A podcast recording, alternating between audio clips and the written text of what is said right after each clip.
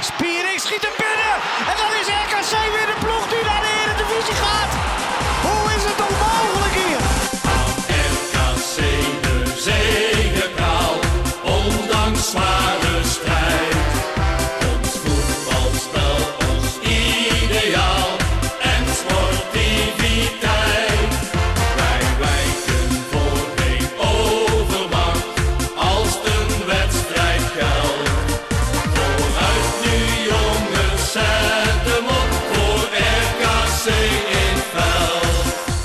Welkom bij RKC Nu, de podcast. Vanaf vandaag staan wij elke maand in jouw favoriete podcast app. En vandaag bespreken wij januari. de maand van de toch drukke transferwindow en de teleurstellende resultaten tegen ADO en VVV red ik het net en we gingen eraf tegen AZ.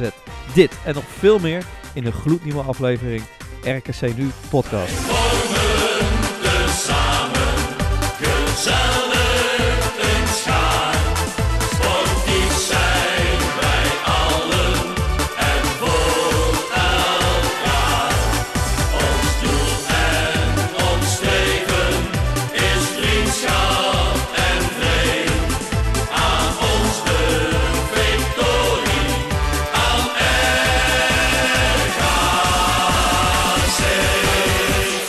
Eh, welkom, eh, welkom luisteraars. Welkom bij de gloednieuwe, de gloednieuwe podcast. eh, die, die vanaf deze maand toch iedereen zijn, zijn eten in mag knallen. Ik ben Lucas en naast mij zit Bram Vingerling, welkom. eh, ook te, te vinden op Twitter als @bvlin. B. Vingerling. B. Vingerling. ook via ons eigen kanaal natuurlijk eh, vast wel eh, vaak doorgelinkt. Ik ben ook op Twitter te vinden, @dumpolly. eh ook te vinden via onze eigen Twitter kanaal. En om te beginnen, Bram, ehm, dit idee hangt toch al een tijdje in de lucht. Ja, ja, dat klopt. We hebben natuurlijk, we zijn afgelopen zomer gestart met RKC Nu, zoals inmiddels heel veel supporters weten.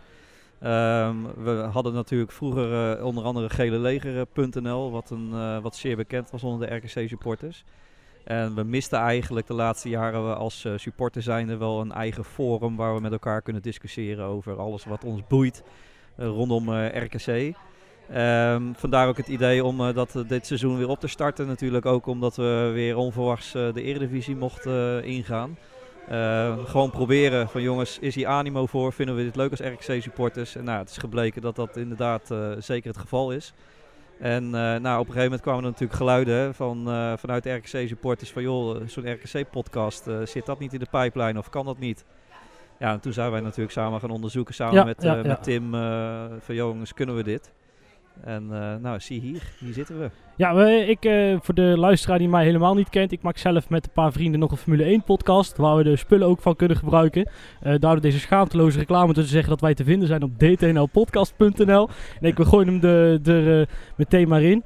Ehm, eh, even richting onze luisteraar. Ehm, eh, wat, wat kunnen ze nou precies van, ons, van ons verwachten, elke aflevering? Nou ja, wij zijn eh, feitelijk gewoon een huistuin keuken RKC supporter. Net zoals waarschijnlijk de meeste luisteraars eh, thuis. Eh, wat wij doen is het bespreken van alles wat ons boeit rondom RKC. Dus dat zijn de actualiteiten van de afgelopen maand als wij, als wij hier zitten om in te spreken. Dus dat zijn de wedstrijden en dat zijn in dit geval ook de transfers die er afgelopen periode geweest zijn. En als er andere bijzonderheden zijn, dan gaan we die zeker ook hierin benoemen. En wij nodigen ook bij deze van harte alle RKC-supporters uit om, eh, om hun vragen te stellen richting ons via de bekende kanalen, via RKC Nu, via Twitter. Eh, als jullie items hebben die jullie graag eh, besproken willen hebben in deze RKC-podcast, nou, laat het ons vooral weten. Dan zullen wij zeker interessante items meenemen en, en het hier bespreken. Eh, het is de bedoeling dat het interactief is voor ons allemaal eigenlijk. Dat is Dus- uiteindelijk ook het leukste waar je het voor doet. Ja. Eh, een beetje eh, ja, zeg maar mekaars enthousiasme ondersteunen. Is toch eigenlijk altijd wel het tofste. dat merk ik ook. op Twitter is het nog nooit zo actief geweest rondom RKC. Dat is Ja. altijd super tof. Ja, zeker. Ehm, de podcast zelf gaan wij natuurlijk nog heel hard aan de slag om dat door te ontwikkelen. En zoals Bram al zei, jongens en meiden, meiden, laat iets van je horen. We gaan proberen meer gasten te krijgen. Wij hopen nog een paar eh, verrassingen in de pijplijn te, te hebben ergens. Eh, wie, wie weet. En ehm, ja, dan rest ons denk ik niks anders dan maar gewoon eh, bij het begin te beginnen. Ja, En dat is, gaan we chronologisch door de transferzone? Ja, laten we daarmee beginnen. Hè? Want we hebben natuurlijk, we kunnen nog heel kort even zeggen natuurlijk hoe we gestart zijn dit seizoen. Ehm, eh, verrassend, zoals we allemaal weten natuurlijk, Ja, ja. gepromoveerd. En eh, nou, toen kwam een hele spannende transferperiode in de zomer waar we met z'n allen denk ik best wel veel van verwacht hadden. Ook met eh, onder andere de Frenkie miljoenen Ja, die, ja. eh, die vrijkwamen. Ehm, nou ja, we weten allemaal hoe we gestart zijn. Laten we het daar vooral niet, eh, niet te lang over hebben.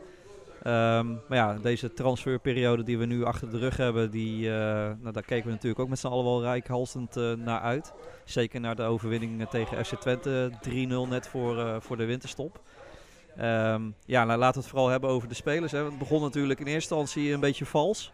Ja, Eh, zeg dat wel. Nee, ja, halverwege december en, ineens bij Fox eh, begonnen ze aan Stijn ja, allemaal vragen te stellen van, joh, in Frankrijk hebben ze interesse. ja, Nou, het werd net, niet, net geen Frankrijk, zeg maar. Maar ja, af en toe schijnt daar in augustus ook de zon te schijnen. ja. En eh, nee, Bulg Bulgaarse Levski Sofia heeft interesse getoond in, in Stijn Spierings. ja. En Wat ja, vond je ervan, Lucas? Wat, wat vind je van die transfer?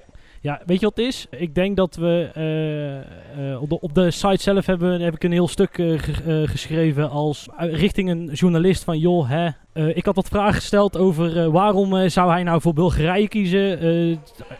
Denk jij als Bulgaar?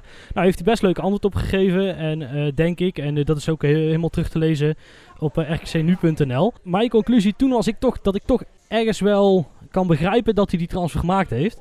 Het is natuurlijk zo dat je aan de ene kant bij RKC, eh, dat, eh, trouwens, dat was vandaag stond in de VI nog een mooi stukje eh, op VI Pro van wat verdient nou overal ongeveer iedere speler. Nou ja, dan zit je bij een Utrecht en een eh Heerenveen zitten ze toch wel op 2, 3 ton stiekem. Met een uits- uitschieter voor paar, een paar buiten EU-spelers. Ja, Ja, dan is bij RKC toch maar een ton. En bij VVV anderhalve ton. En als je dan daar ineens zomaar eh 15.000 euro per jaar gaat verdienen, wat hij aangaf ongeveer. Ja. Ja, dan kan ik me toch voorstellen, denk ik van nou, dat, die, die, die centen pak ik toch maar. Ja, het blijft altijd lastig hè, om die keuze te maken. Want an- eh, anderzijds, het is een eh, vrij jonge middenvelder, 23 als ik me niet vergis. Een middenvelder die zich dit seizoen eh, voor het eerst eigenlijk echt liet zien op het hoogste niveau. Hè. Hij heeft er wel voorheen al wel gespeeld, maar Ja. toen wat onopvallender. Dus Nou, ja, Hij heeft ooit in de nacompetitie een hele mo- mooie goal tegen Dordrecht eh, gemaakt. eh, en dat was in dienst van eh, Sparta. Van Sparta, van Ah, Sparta ja. ja. die Kortsmit wordt er s- hoe heet het, af en toe nog s'nachts wakker van, Ja. eh, van, van dat doelpunt. eh. Ja, maar goed, en nu was het natuurlijk, eh, hij was natuurlijk de man eh, dus waar, waar RKC trots op is eh, met onze promotie. En eh, nou ja, goed, het, eh, hij heeft dit seizoen ook best wel veel wedstrijden gespeeld, vond ik, waarin hij eh, niet opvallend was of niet eh, opvallend beter was dan andere RKC'ers. Maar het is toch wel weer de man die uiteindelijk eh, de wederopstanding eh, ja, kleur heeft gegeven eigenlijk voor de winststop. En ja, dan is het spijtig dat zijn jongen weggaat. Aan de andere kant, eh, je zou kunnen denken, joh, voetbal nog een half jaar langer met de geel-blauwe in de eredivisie. En, en, en ga misschien naar een hele mooie FC Utrecht of AZ of, of hè, als hij daar goed genoeg voor is. Maar klaarblijkelijk nou, heeft hij daar misschien zelf ook wel twijfels over of hij die stap had kunnen zetten. En heeft hij daarom maar nu eieren voor zijn geld gekozen en de stap richting eh, Bulgarije gemaakt. Ja, daar blijft. Ik, ik, ik, ik denk dat we het daar wel over eens zijn, joh. Daar blijft een eh, eh, gissen daarin. Eh, nou, in ieder geval voor ons, voor RKC, heeft het ook nog wel, nou wel een zakcentje opgeleverd. Ja, zeker. Ik weet niet hoe dat in verhouding moet staan met een, eh, de transfers die verder eh, kwamen. Ik weet niet of die heel erg van het geld van Spierings echt van belang was daarvoor. Mm, ja, Ik denk dat dat wel ik meevalt. denk het ook, ja. Ik weet niet trouwens niet, misschien dat je nou Hansel kon huren of zo, zulke geintjes. Wie, wie weet. Ja, nou ja, kijk, dat RKC budget had, was al bekend. Hè. Dat heeft Frank ook nooit onder stoel of banken gestoken. Alleen met de duidelijke context daarbij, we gaan het alleen uitgeven als, eh, als we zeker weten dat het een meerwaarde heeft voor, eh, voor ons, voor de selectie. Ehm, nou, dat geld wat ze nu hebben uitgegeven, ik denk dat dat er wel was. Ehm, maar het is natuurlijk altijd lekker als je... Kijk, het risico voor RKC was natuurlijk... Hè, Spierings is ook niet degene die eh, in zijn eentje gaat bepalen of wij... die gaat niet het verschil maken tussen ere of eerste divisie voor ons. Je pakt nu wel dat geld mee. En als je dan hoort wat Van de Ven gekost heeft... maar daar komen we later nog op terug. Maar dan, dan, dan snap ik deze transfer wel, ja. Dan gaan we door naar de volgende. Even kijken, als ik mijn eh, eh, cijfers goed op orde heb, kwam Reinders als eerste binnen. Ja, klopt. dat was eigenlijk, die is nog mee geweest eh, naar, op, op trainingskamp. Gaat, gaat hij ons in de Eredivisie houden, Bram? Ja, nee. die gaat helpen ons in de Eredivisie te, te houden. Hè. Reinders is een, is een mooie voetballer, zoals, dat, zoals ze dat noemen.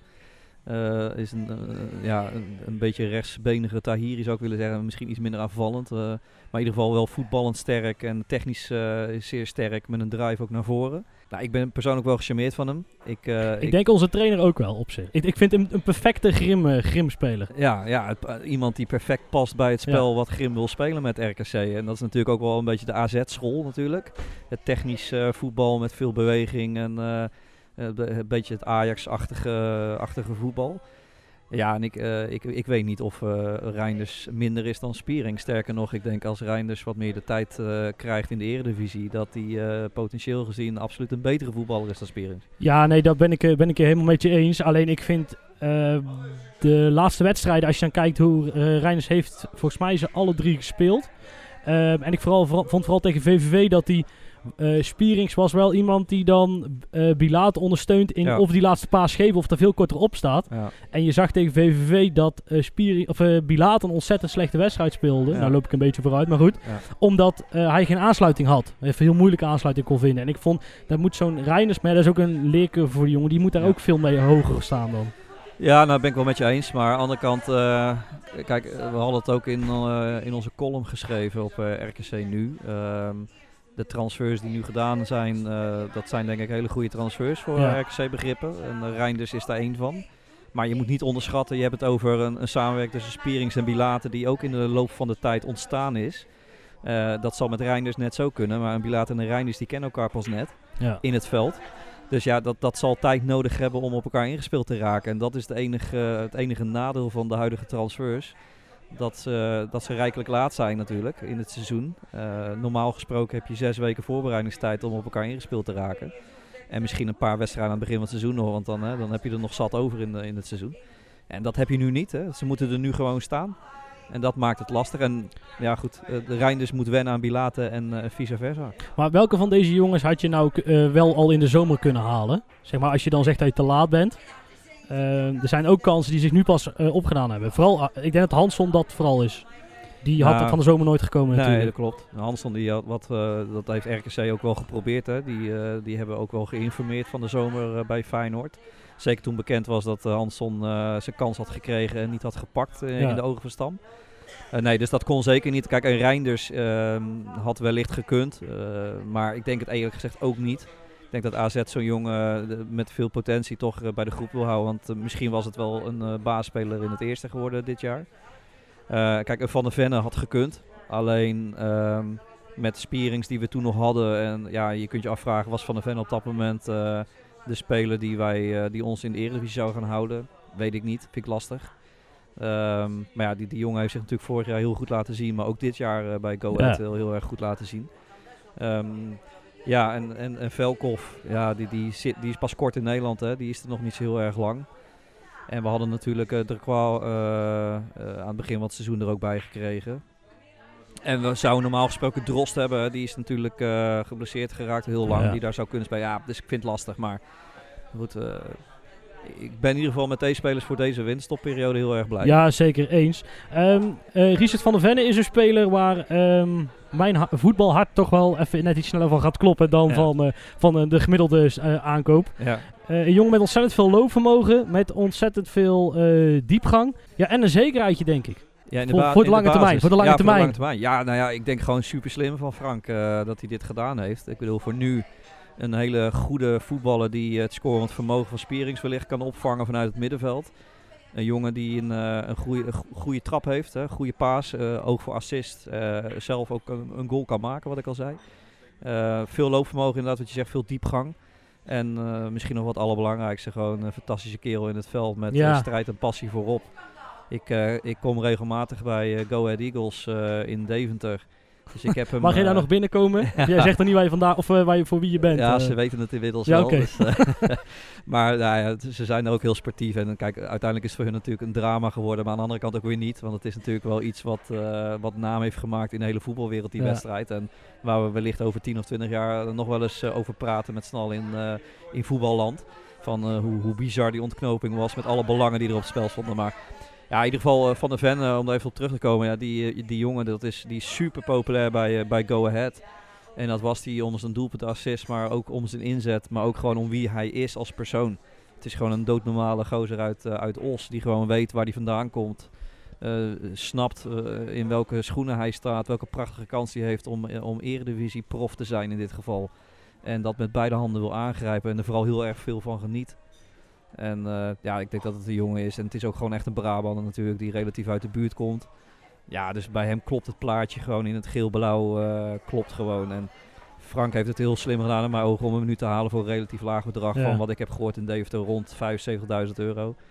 En eh, het is een jongen die je nu er goed bij kan hebben. Maar mocht je toch degraderen, dan heb je voor eerste divisie begrip de komende twee jaar een topper, Ja. topper onder contract staan. Dus Nee, zeker. En Slim. ik, ik vond ook het mooie eh, te zien, het contrast tussen zijn verhaal. En ze hebben nou bij Feyenoord een of andere Turk of Bulgaar gehaald. ja, en een van zei, ja, ja. het mooiste publiek in de wereld. En dan denk ik, ja, het, het- het- het legioen is met de natte vinger te luimen, dus die trappen daarin. Maar ik vind het wel mooi dat, wij, daar- dat hij zegt gewoon van, nou, eh, ik ga meer verdienen. Eh, het is dichter bij de deur, en want ik heb ook kleine thuis zitten. Ja. En ehm, eh, ja, het past mij gewoon. De faciliteiten zijn goed. Wat ik trouwens oprecht een compliment vind voor de club. Hè, door toch door het grotendeel van die Frankie centjes toch maar even in de accommodatie te steken. Eh, eh, ja, en heel relaxed dat we, dat we zo'n gast, eh, gast erbij hebben. Ja, nou, echt gewoon een, een van de aankopen waar ik het meest enthousiast over ben van, over de afgelopen vijf, vijf jaar, denk ik, ongeveer. Ja. Ja, Ja. dat is echt eh, Nee, het is, ik had het, ik weet niet of ik, hebben wij het nog ergens op de site gezet, maar het was de eerste aankoop sinds Teddy Chevalier Ja, van eh Zulte Waregem volgens mij. waarvoor betaald is. Ja, maar ik, daar twijfel ik over of dat klopt. Maar daarvoor zat geen enkele speler waar we voor betaald hadden, volgens transfermarkt.nl. Nee. Dus moet je nagaan eh, dat eh, een speler kopen bij RKC, dat, dat is al heel... ja, heel lang niet meer gebeurd. Nee, ja, we hebben natuurlijk heel lang geen geld gehad. Dat ook. kijk, de goede tijd tussen aanstekers onder Jol Brands, ja, toen werden er regelmatig spelers gekocht. En en ja, als belegging feitelijk en voor veel meer doorverkocht. Ja, die tijden die waren daarna verdwenen. Niet alleen bij RKC, maar ook wel in de voetbalwereld. hè. De, de transfersommen die, Ja. eh, die verdwenen op dat moment. Ja, en eh, RKC heeft natuurlijk jarenlang, hè, dat weet iedereen, wat voor fantastisch werk Remco onder andere overseer eh, heeft geleverd in die tijd. En, in, het, in het kantoor wel. In het kantoor. Op het veld was het altijd even net even ja, minder. maar ja, dat heeft er natuurlijk ook mee te maken. Die heeft, hij heeft natuurlijk enorm bezuinigd. En Ja. ondanks dat er weinig inkomsten waren, maakte RKC elk jaar winst op de begroting. Nou, dat is een unicum in, in voetballand. Ja, en eh, kijk, Frank heb ik er ook wel eens over gesproken. Die gaf ook aan dat er eh, meerdere voetballers rondliepen in die tijd die eigenlijk het RKC-shirt misschien, eh, zonder te oordelen, maar misschien niet, niet waard Nee. waren. Maar ja, dat had gewoon Nou. wel te maken natuurlijk met die situatie financieel. Ik heb een paar. ik zat FC Eindhoven te kijken laatst. Die moest tegen Utrecht voor de beker. En daar staat die donkere jongen in de spits. Ken je die nog? Die Sicilia. Toen dacht ik, Ja, ja, ja. Ik dacht, oh, dat is leuk. Spelen Van- RKC mochten we, mochten we ooit degraderen. En toen zat ik terug te kijken. Maar moet je nagaan hoe erg we dat verdrongen hebben. Die heeft dus ook ooit een RKC-shirt aangehad. En toen heb ik dat team eens opgezocht. Of wie er die zomer en winter vertrokken zijn. Maar echt, Mike Verkoelen, kent u hem nog? Oh, verschrikkelijk. Die kan echt bizar. ja. Ik snap wel dat ze hem bij PSV eh, we- hebben weggestuurd. Ja, nou ja, goed. eh, ja, dat klopt. Nou ja, goed. Weet je, die tijd, dat, dat, dat waren ook gewoon, die financiën waren er niet. En Ja. ik denk dat op dat moment lag eh, de prioriteit niet bij eh, het eh, sportieve, maar echt puur bij het financiële. En dat heeft hij gewoon uiteindelijk gewoon goed gedaan. Met hulp van iedereen hè, die daar thuis mee geholpen. Het is natuurlijk niet alleen Remco Overzier geweest. En eh, ja, we mogen denk ik nu wel concluderen dat Frank dat fantastisch heeft voortgezet in zijn eh, beleid op dit, eh, op dit moment. Ja, alleen vind ik dat je bij. we moeten oppassen dat dat niet te, te conservatief blijft daarin. Dat je wel zorgt. Kijk, dat je niet altijd, altijd een verloren, verloren wedstrijd gaat voetballen. als je weer per ongeluk een keer omhoog valt. Want eh, mocht je eruit vallen dit jaar. Ja, Dan, eh, dan, eh, en je valt, blijf je dan pendelen. Want dan heeft promoveren ook geen zin. Nee, maar kijk, het grote verschil daarmee is, is als het gepland gepromoveerd is, dan, dan begin je al met, dan staat er al een andere basisselectie. Waardoor je niet heel veel extra geld nodig hebt om met een aantal gerichte versterkingen er een, een goede eredivisie van de selectie van te kunnen maken. En dat was gewoon het probleem natuurlijk van nu. Het was gewoon echt in alles een eerste divisie selectie. Waarbij eh, je belangrijkste speler ook nog eens een keer vertrekt. Hè? Hansson in Ja. eerste instantie. Ja, en, en ja, dan, dan is het gewoon heel moeilijk om, eh, om daar in zo'n korte tijd eh, gericht spelers te halen die, die RKC echt beter maken. Dat is oprecht een vraag die ik zou ook wel een keer aan Frank willen stellen. Van, joh, hoeveel rek zit er in je, spe- in, in je eigen begroting? Want Ja. uiteindelijk is zo, je kunt wel promoveren. Eh, maar als jij zeg maar die stap naar die anderhalve ton per speler die een VVV betaalt, of die twee ton waar PEC al zit, Ja, ja, dan uiteindelijk is het toch een spel waar, waar het om, eh, om de centjes gaat. En, nou, gedeeltelijk. Ja, nou ja, goed, kijk, dat je nog een stap financieel kan maken, dat is wel duidelijk. Hè. Dat is, vroeger ook zo geweest. En kijk, je, je gaat niet snel meer terug naar die tijd van, van Rick Hogendorp en wat er toen ook betaald werd. eh, wat ze toen zeiden, 3,5 ton salaris. Ik denk dat het nog guldens waren in die tijd. Dat weet ik eigenlijk niet meer. Of Rick Hogendorp heeft tot eh, 2006 in eh, Waalwijk nou, gevoetbald. zijn het toch euro's, denk ik. Nou. Maar eh, die, die tijd zal niet snel terugkomen. Maar goed, dat je wat meer eh, kan gaan betalen dan nu. Als je twee, drie jaar langer in de Eredivisie achter elkaar zou zitten. Ik denk dat dat wel, eh, dat dat wel ik zag dat zo'n eh, zo'n Emmen, die heeft bijvoorbeeld besloten om die twee eh, Peruanen te halen. Maar die moeten dus ook gewoon betaald worden volgens de. EU-regels. Ja, dat klopt. Ja. En dus die, die gasten die begeven dus al 9 ton uit aan twee Ja, spelers. Ja, ja, Nou, dat keer ah, 2,5 en dan zit je volgens mij op het salarisbudget wat RKC eh, ongeveer betaalt. ja. Dus, eh dus Ja, in Emmen hebben ze die ook wel genomen. ja, maar die staan denk ik niet op de begroting van Emmen of, of gedeeltelijk. Dat, dat zal ongetwijfeld door externe financiers eh, ook gefinancierd zijn. En wellicht ook met het idee wat vroeger bij RKC ook vaak gebeurde. je haalt een speler voor een x eh, investering en je hoopt dat die jongen opvalt. En in de huidige markt voor een paar miljoen wellicht weer doorverkocht kan worden. Ja. En tel uit je winst. En kan ook een... kan ook een strategie zijn, eh, maar ja goed, dat hebben wij op dit moment in, eh in Waalwijk in ieder geval niet. En toen kwamen de geluiden uit eh, Stuttgart dat Hansson mocht vertrekken. Ja, ja, ja. Toen werd, toen, dat, toen werd toch wel, ja, dat, dat, dan krijg je toch wel kriebels in de buik. nee, ik, als je het mij vraagt, eh Hansson in een RKC-shirt, beter, beter wordt, het, wordt het niet. Nou ja, een, een zweet in een RKC-shirt kan Ja. sowieso natuurlijk niet beter. Nou ja, weet je, fantastisch. Ik bedoel, je merkte van de zomer al dat er, eh, al- als het over Hanso ging en er waren toen wat geruchten, die hebben wij eh, zelf op ons forum ook voorbij zien komen. Ja, iedereen reageerde erop. Dat zijn denk ik de geruchten geweest waar het meest eh, reactie Ja. op gekomen is. Ja, dus het is, het is geweldig dat, dat hij nu terug is. En ja, volgens mij konden heel veel mensen in eerste instantie niet geloven dat Nee. gerucht dat het waar was. Ja. En als dan blijkt dat het toch waar is en Frank zelf, die was er ook gewoon enorm content mee. Ja, iedereen. En, en, en dat is gewoon een jongen met een bepaalde techniek, een bepaalde inzicht, snelheid die, die we op dit moment niet voorin hebben lopen. Zo simpel is het. En die hebben we nu wel. Nee, dat klopt. Kijk, eh, het, is, het is natuurlijk eh, dat inherent ook aan de eerste seizoenshelft is de, de, de voorhoede die we hadden lopen.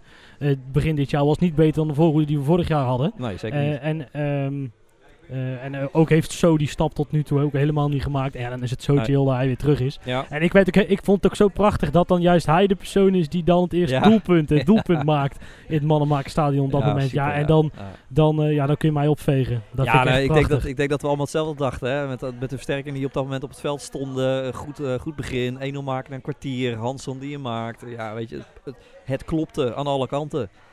Ja, goed, hoe het afgelopen is, daar gaan we het straks nog over hebben. Maar dat was fantastisch. Oh, leuk dat je Velkov eh, aanhaalt. Daar komen we nou op, eh, ja. op uit. Eh, de chronologiteit laat mij een beetje in de steek. Maar ik weet niet of Velkov voor Hansson kwam. Volgens mij wel trouwens. Ja, Hansson was de maar goed, ja. Velkov haalden wij uit Den Bosch.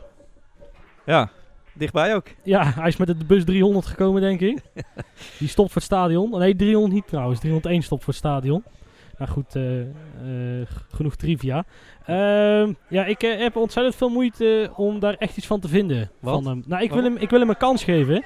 En ik weet niet in hoeverre goed hij kan communiceren met de rest. Ik heb gekscherend al een keer ergens in een column geschreven dat Frank ze dan maar gewoon een LOI'tje aan moet bieden. En dan ze dan maar binnenhaalt. Ja. Ehm, eh, en ik, ik vind het ook moeilijk om nu te zien hoe hij zeg maar, in de organisatie, in de organisatie past. Ja, nou ja, goed. Kijk, eh, voor de jongen is het natuurlijk ook lastig eh, dat hij er net bij komt. En eh, gelijk vol aan de bak moest. En niet met de minste wedstrijden. Hè. Dat- Ja. We hebben niet heel veel wedstrijden gehad dit seizoen waar de druk op stond. Nou, dat was dit natuurlijk, deze twee wedstrijden waren dat, was dat zeker het geval. Ja, dan moet je daar gaan staan. En dan is het wel zuur voor de jongen dat hij eigenlijk fantastisch loopt te voetballen tegen VVV. Ik denk dat iedereen in die wedstrijd zijn potentieel wel heeft kunnen zien. Ja. Ehm, ja, zijn, zijn fout was een kinderlijke fout en een, een behoorlijke inschattingsfout. En dat is jammer voor hem, maar dat is wel het risico als je een eh, relatief jonge verdediger haalt eh, zonder ervaring op het hoogste niveau. Die er gelijk moet staan, ja, dan, dan hoort het er bijna bij dat hij foutjes maakt. En in dit geval was het een hele dure. Ja, ja, kijk, hij, wordt wel geduwd. Maar goed, je moet weten als verdediger hij, dat, dat, dat hij in je rug zit. Ja. En dan moet je die bal gewoon een jank geven. En ehm, ja, dan eh, dat, dat doet toch pijn. eh, pijn. Ik, kan- ik kom ook niet, niet de woede. woede Nee. deed ook, eh, ja, of meer gelatenheid wordt het op een gegeven moment. Hè? Dat is het vervelende. Dat is eigenlijk nog erger. Ja, dat was meer, misschien meer na de wedstrijd, maar op dat moment bij mij was het geen, was het geen gelatenheid. Nee, dat Nee. was echt, ja, weet je, die, die avond zag, zag er natuurlijk gewoon hartstikke mooi uit tot minuut 40. Ja. De laatste vijf minuten werd al wat lastiger voor, voor de rust. Maar, maar goed, Velkov in ieder geval, ik denk om daar nog even op terug te komen, ik denk dat dat een, een, ook een hele goede versterking is. Gaan wij die optie lichten als, als we degraderen? Ja, dat is lastig te zeggen. Ik, heb, ik, ik weet niet wat, eh, wat de transfersom is die afgesproken is. Dat zal er ongetwijfeld mee te maken hebben. In hoeverre we dat kunnen of willen op het moment dat je weer terug naar de, de Jupiler, of Jupiler uh, keukenkampioen divisie gaat. Ja, anders belt Ben in. Ja, ja. We moeten wel de juiste naam noemen. Daar betaalt hij niet voor niks zoveel geld voor. Eh, er zit hier ook iemand van de keukenconcurrent, zag ik. Oh, Dus, echt? eh, ja, een jas eh, die hangt daar, Oh. kijk maar, over de stoel. Oh ja. Dus, eh, maar goed, ehm, ja, ik denk gewoon een, slimme koop. En eh, ik denk dat vooral de constructie ook heel slim is. Hè. Je, je, je zit daar, eh, en dat hebben we denk ik met alle spelers wel. want Dat heeft Frank natuurlijk bewust zo gedaan. Eh, spelers die je nu beter kunnen maken, maar waar je niet per se met een strop om je nek aan vast zit op het moment dat je degradeert, financieel gezien dan. Ehm, ja, dus we kunnen, als we zouden degraderen, dan gewoon een afweging maken. Joh, gaan we met hem verder, ja of nee? Kijk, Delcroix die zal ver- verdwijnen. Jawel, ja. ja. Dus ja, Alhoewel, hij mag weg bij, eh bij Anderlecht. ja, maar ik verwacht wel dat er meerdere clubs in België of, of de Eredivisie dan zijn die, eh, die hem wel graag eh, bij de selectie willen hebben. Daar zal hij nou wel mee moeten gaan voetballen, komend half jaar. Ja, dat gaat hij ook. Daar gaat Mulder naar de bank. Ja, ik verwacht dat Delcroix gaat, zo, gaat sowieso spelen. En eh, ik verwacht eerlijk gezegd dat uiteindelijk wel de keuze Velk of eh Delcroix zou worden, ja, centraal. Oké. Ja. Ehm, even kijken, dan hebben we alle ingaande transfers wel gehad. Ja, toen vertrokken er ook twee mensen. En eh, als mensen vertrekken, dan doet dat ook altijd een beetje pijn. Ehm, laten we bij, eh bij Baggerman eh, beginnen. Die gaat aan de slag bij Tech uit Ja. Tiel. Ja, En dan gaat hij op huurbasis aan de slag. Hij keert van de zomer wel terug. ja. Want zijn contract loopt door tot de zomer van 2021. ja wel opmerkelijk hè? Ja, zeg Ja, dat wel. Ja, wij ja. zijn het al tegen elkaar. Waarom Ja. wil niemand in de keukenkampioen-divisie die gast hebben? Ja, dat verbaast me ook. Toch wel heel veel clubs die, die heel gecharmeerd van hem waren. En eh, ja, dat, dat ook vorig jaar. Hans Kraaij junior heeft zich er ook wel eens over uitgelaten. Die eh, heeft ook eh, een aantal keer opzichtig andere clubs getipt om, om Baggerman te halen.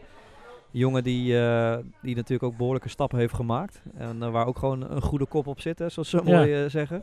Een goed, ja, nee, het verbaast mij ook dat hij, ja, dat hij naar een tweede divisieclub is gegaan. Ja. Ja, als je dan een beetje een verklaring moet zoeken, dan zou ik zeggen, joh, eh, ik vond hem niet heel creatief. Het was een beetje Een harde werker. ja, harde werker, Draan Rienstra light, eh, zou je het een beetje kunnen zeggen, alleen dan met iets meer krullen. Ja, En, Ja. ehm, maar dan nog, inderdaad, hij heeft, vorig jaar is hij, heeft hij redelijk in het begin van, in het eerste half jaar heeft hij toch wel redelijk veel gevoetbald. Toen de ommekeer kwam, toen was het middenveld toch vaak Tahiri, Rienstra en, oh god, dan weet ik het er zelf ook niet meer. Spierings natuurlijk, ja. Ja. De, onze hulplijn eh Spierings natuurlijk, ja. En eh, ja, dan komt hij, to- komt toch in, hè, dus, in het, dus in de tweede seizoen zelf een beetje op de bank. En ik denk dat Ja. dat toch opgebroken heeft. Maar goed, waarom Ja. zo'n FC Dordrecht dan niet in eh ja niet, dat snap ik in- ook niet. instapt? Eh, of, of, of eh, een top os. Rode Eh, EC. Ja, Rode zou kunnen, maar Top Os, ik bedoel, die, die hebben ook een eh, tegenvallend seizoen. Die kunnen ook wel wat eh, kwaliteit gebruiken. Is natuurlijk ook dichtbij. Het zal ook makkelijk zijn om zo'n jongen eh, binnen te halen van twee kanten, voor hemzelf ook. Ja, en Tech Tiel, ja, dat, eh, het is een, een club eh, die ik vrij goed ken. Het komt eh, relatief uit de buurt bij waar ik zelf vandaan kom. Maar is, is vooral een, een, een amateurclub wat, waar heel veel betaald wordt voor de eerste selectie. En voor de rest is het niet zo'n hele bijzondere amateurvereniging. En ehm, ja, het, het verbaasde mij ook. Het, ja, ja, ik kan er niet zoveel Hoe, do- hoe doen ze het een beetje? Of, Waar ze nu staan, ik heb eerlijk gezegd geen idee. Ik, ik volg ze niet echt heel actief. Maar ik ken wel de grote sponsor achter die club. En het is een, eh, zoals je wel meer ziet tegenwoordig in het amateurvoetbal, is het een gecreëerde club, noem ik dat altijd. Het FC Linde idee eigenlijk. Eh, gewoon een, een club waar eh, een aantal mensen heel veel geld in pompen om, om stappen te maken. En dat hebben ze zeker ook gedaan. Een oud ploeggenoot van mezelf is daar ook in het eerste gaan voetballen. En ja, er wordt gewoon goed betaald. Maar als daar een aantal sporters een keer zeggen we zijn het zat, of investeerders we zijn Ja. het zat, dan, dan blijft er ook niet zoveel meer van over. Ja, maar goed, kijk, het is op, opvallend. Eh, die jongen had gewoon lekker naar de keukenkampioen divisie Ja, moeten heel gaan. En, bijzonder. eh, maar goed, het is ook maar een halfjaartje, dus het is ook geen ramp. Maar hij speelt zichzelf niet echt in de kijker. nee, maar het is wel kloten voor hem. Want stel, eh, wij, wij mogen erin, we mochten erin blijven. Ja, dan weet hij één ding zeker. Die jongen die is van de radar af. Ja, nou ja, ja bij RKC sowieso. En kijk, er zijn wel eerste divisieclubs die ook echt wel actief scouten in de, de tweede divisie. Oké. Dus ehm, ja, goed, als hij het daar echt goed doet, dan valt dat ook wel een aantal clubs in de eerste divisie wel op. Maar je moet het wel echt laten zien. Ik denk als hij tegen gaat vallen in het komend half jaar in de tweede divisie, Ja. dan wordt het lastig om zijn profcarrière nog een nieuw leven in te Ja, plaatsen. ik, ik, weet, eh, ik, ik weet van links en rechts dat hij ooit wel eens gezegd heeft dat hij toch hoopt dat RKC niet zijn plafond is. Dan moet ik in zijn verdediging wel zeggen dat we toen onderaan stonden in de keukenkampioen-divisie. ja, Dus, eh, tijden dus, gehad. Ja. dus hij, hij mag het, hij mag het laten zien. Soms zet je een stapje terug om een twee vooruit te zetten. Ja, om zijn- cliché dit- maar eens maar eh, dit zijn wel twee, stap- twee stappen terug. Hè? Dat, Ja, maar- Ja, dat wel, ja. ja. Maar goed. Eh, en toen op dezelfde dag kwam eh, eigenlijk ook het nieuws dat Kevin Vermeulen ons gaat verlaten. ja, Over een mislukt huwelijk gesproken. ja, absoluut. Ja, opvallend ook. Ja. Ja, die jongen toen hij werd gehaald eh, leek dat een hele slimme koop. Hè? De, de, de twaalfde man van Excelsior op dat Ja. moment. Die best wel veel in de Eredivisie ook eh, als, in ieder geval als invaller had geacteerd. Leek op dat moment voor ons echt een hele goede versterking. En eh, ja, je moet wel, of je kunt nou wel concluderen dat het er eigenlijk nooit uit is gekomen. Ja, in principe, eh, ik, ik heb wel een beetje met Kevin te doen hoor. Want eh, eigenlijk alles wat hij heeft geprobeerd bij RKC ging mis. Ja. Hij kwam vorig jaar, toen heeft hij echt twee, drie hele grote kansen gemist. Ja, ja, nou dan heb je al, hè, dan slaat zo'n sfeer bij die supporters toch ja. een, een beetje om. En hij, hij heeft dus niet gebleken, of hij heeft dus niet laten zien eh, dat, hij, eh, dat hij daar overheen kon groeien. En het hielp misschien ook niet mee dat Spierings natuurlijk op zijn plek voetbalt in principe op 10. Nou ja, klopt. Eh, Ik denk dat daar ook een, een, van de redenen zit. Maar het is ook niet voor niks dat Frank natuurlijk wel Spierings gehaald heeft toen ja, Vermeulen was. Ah, weet je, wat- mij zelf opviel bij Vermeulen was dat, dat de tendens rond hem als persoon best negatief was bij RKC. Want de supporters althans. ja. En eh, terwijl het gewoon een hele goede jongen is eigenlijk. En een hele doodnormale gozer ook. Ook met hard werken, no nonsense, eh, een goede prof geworden. Ehm, maar inderdaad gewoon niet, niet zijn sterkste optredens gehad bij ons. En ook wel eens penalty gemist, meen ik me te herinneren. En dat soort rare, rare fratsen. Ja, en eh, het viel mij trouwens wel op dat toen het nieuws bekend werd dat hij weg zou gaan, of wegging eigenlijk, dat er toch toen wel meerdere mensen waren die een reactie hadden van, hè, wat gek, eh, Vermeulen, wat jammer, toch wel een jongen die wat kan. Dus eh, ja, dat verbaasde mij dan ook wel weer Ja. een beetje. Ja, ja ik, en ik kan het vanuit hem ook v- voorstellen dat hij zegt van joh, ik ga weg. Ik, ik, hij had niet verwacht eh, eh, op dit plan te zitten. En daarbij heeft hij tegen Heracles in de beker een redelijke pot gevoetbald. En Ja. toen heeft hij toch ook tegen Fox gezegd van ja, ik was toch wel verrast dat ik niet begon. Ja, dat vind ik ook een beetje flauw. Dan denk ik van joh, dan, dan, dan, dan knettert er iets. Laat ik, laat ik het houden. Ja, nou, je krijgt wel het gevoel alsof er toch wat meer gespeeld heeft dan wij allemaal weten. En dat zal ongetwijfeld misschien toch ook wat te maken hebben met zijn eigen teleurstelling, wat ik me goed Ja. kan voorstellen. Had er zelf natuurlijk ook gewoon meer van verwacht, dat is duidelijk. En eh, nou goed, ik denk dat het een, eh, dan een goede beslissing is geweest van twee partijen om eh, conclusies te trekken. En kijk, je hebt kans dat als een jongen ontevreden is en bij de selectie rondloopt, dat hij eerder een stoorzender gaat zijn Ja. dan, eh, dan een positieve bijdrage eh, levert aan, eh, aan, aan de mentaliteit van de anderen, zeg maar. Dus ik denk dat het dan een goede beslissing is geweest dat ze dat eerlijk tegen elkaar hebben gezegd en hebben gezegd, joh, je kunt, beter, je kunt beter lekker gaan voetballen ergens anders waar je minuten weer het eerste maakt. En, en voor RKC scheelt het weer een beetje salaris. Ja, maar dat zal denk ik ook wel meevallen. Nou ja, hij zal wel bij de wat duurdere RKC-supporters gehoord, eh, of RKC-spelers gehoord hebben. Eh, qua salaris. Want dat was toch een jongen die natuurlijk op dat moment werd eh, Ja. gehaald als een van de eh, sterke houders van het nieuwe RKC op dat moment. En een jongen uit de eredivisie ook. Dus die zal niet voor drie tientjes gekomen zijn. Dus ik denk dat het best interessant is dat je zijn salariskosten niet meer hebt. Ehm, een man die wij eh, niet op het lijstje hebben staan, maar wel misschien besproken moet worden, omdat zijn vertrek nogal eh, luidruchtig was, was natuurlijk die van Dylan. Ja, Die we bijna zouden waar, vergeten. ja. Ehm, ja, dat, toch wel een transfer die, eh, de hele situatie die mij persoonlijk al een beetje buikpijn bezorgde. Ik vind het vrij sneu voor die jongen.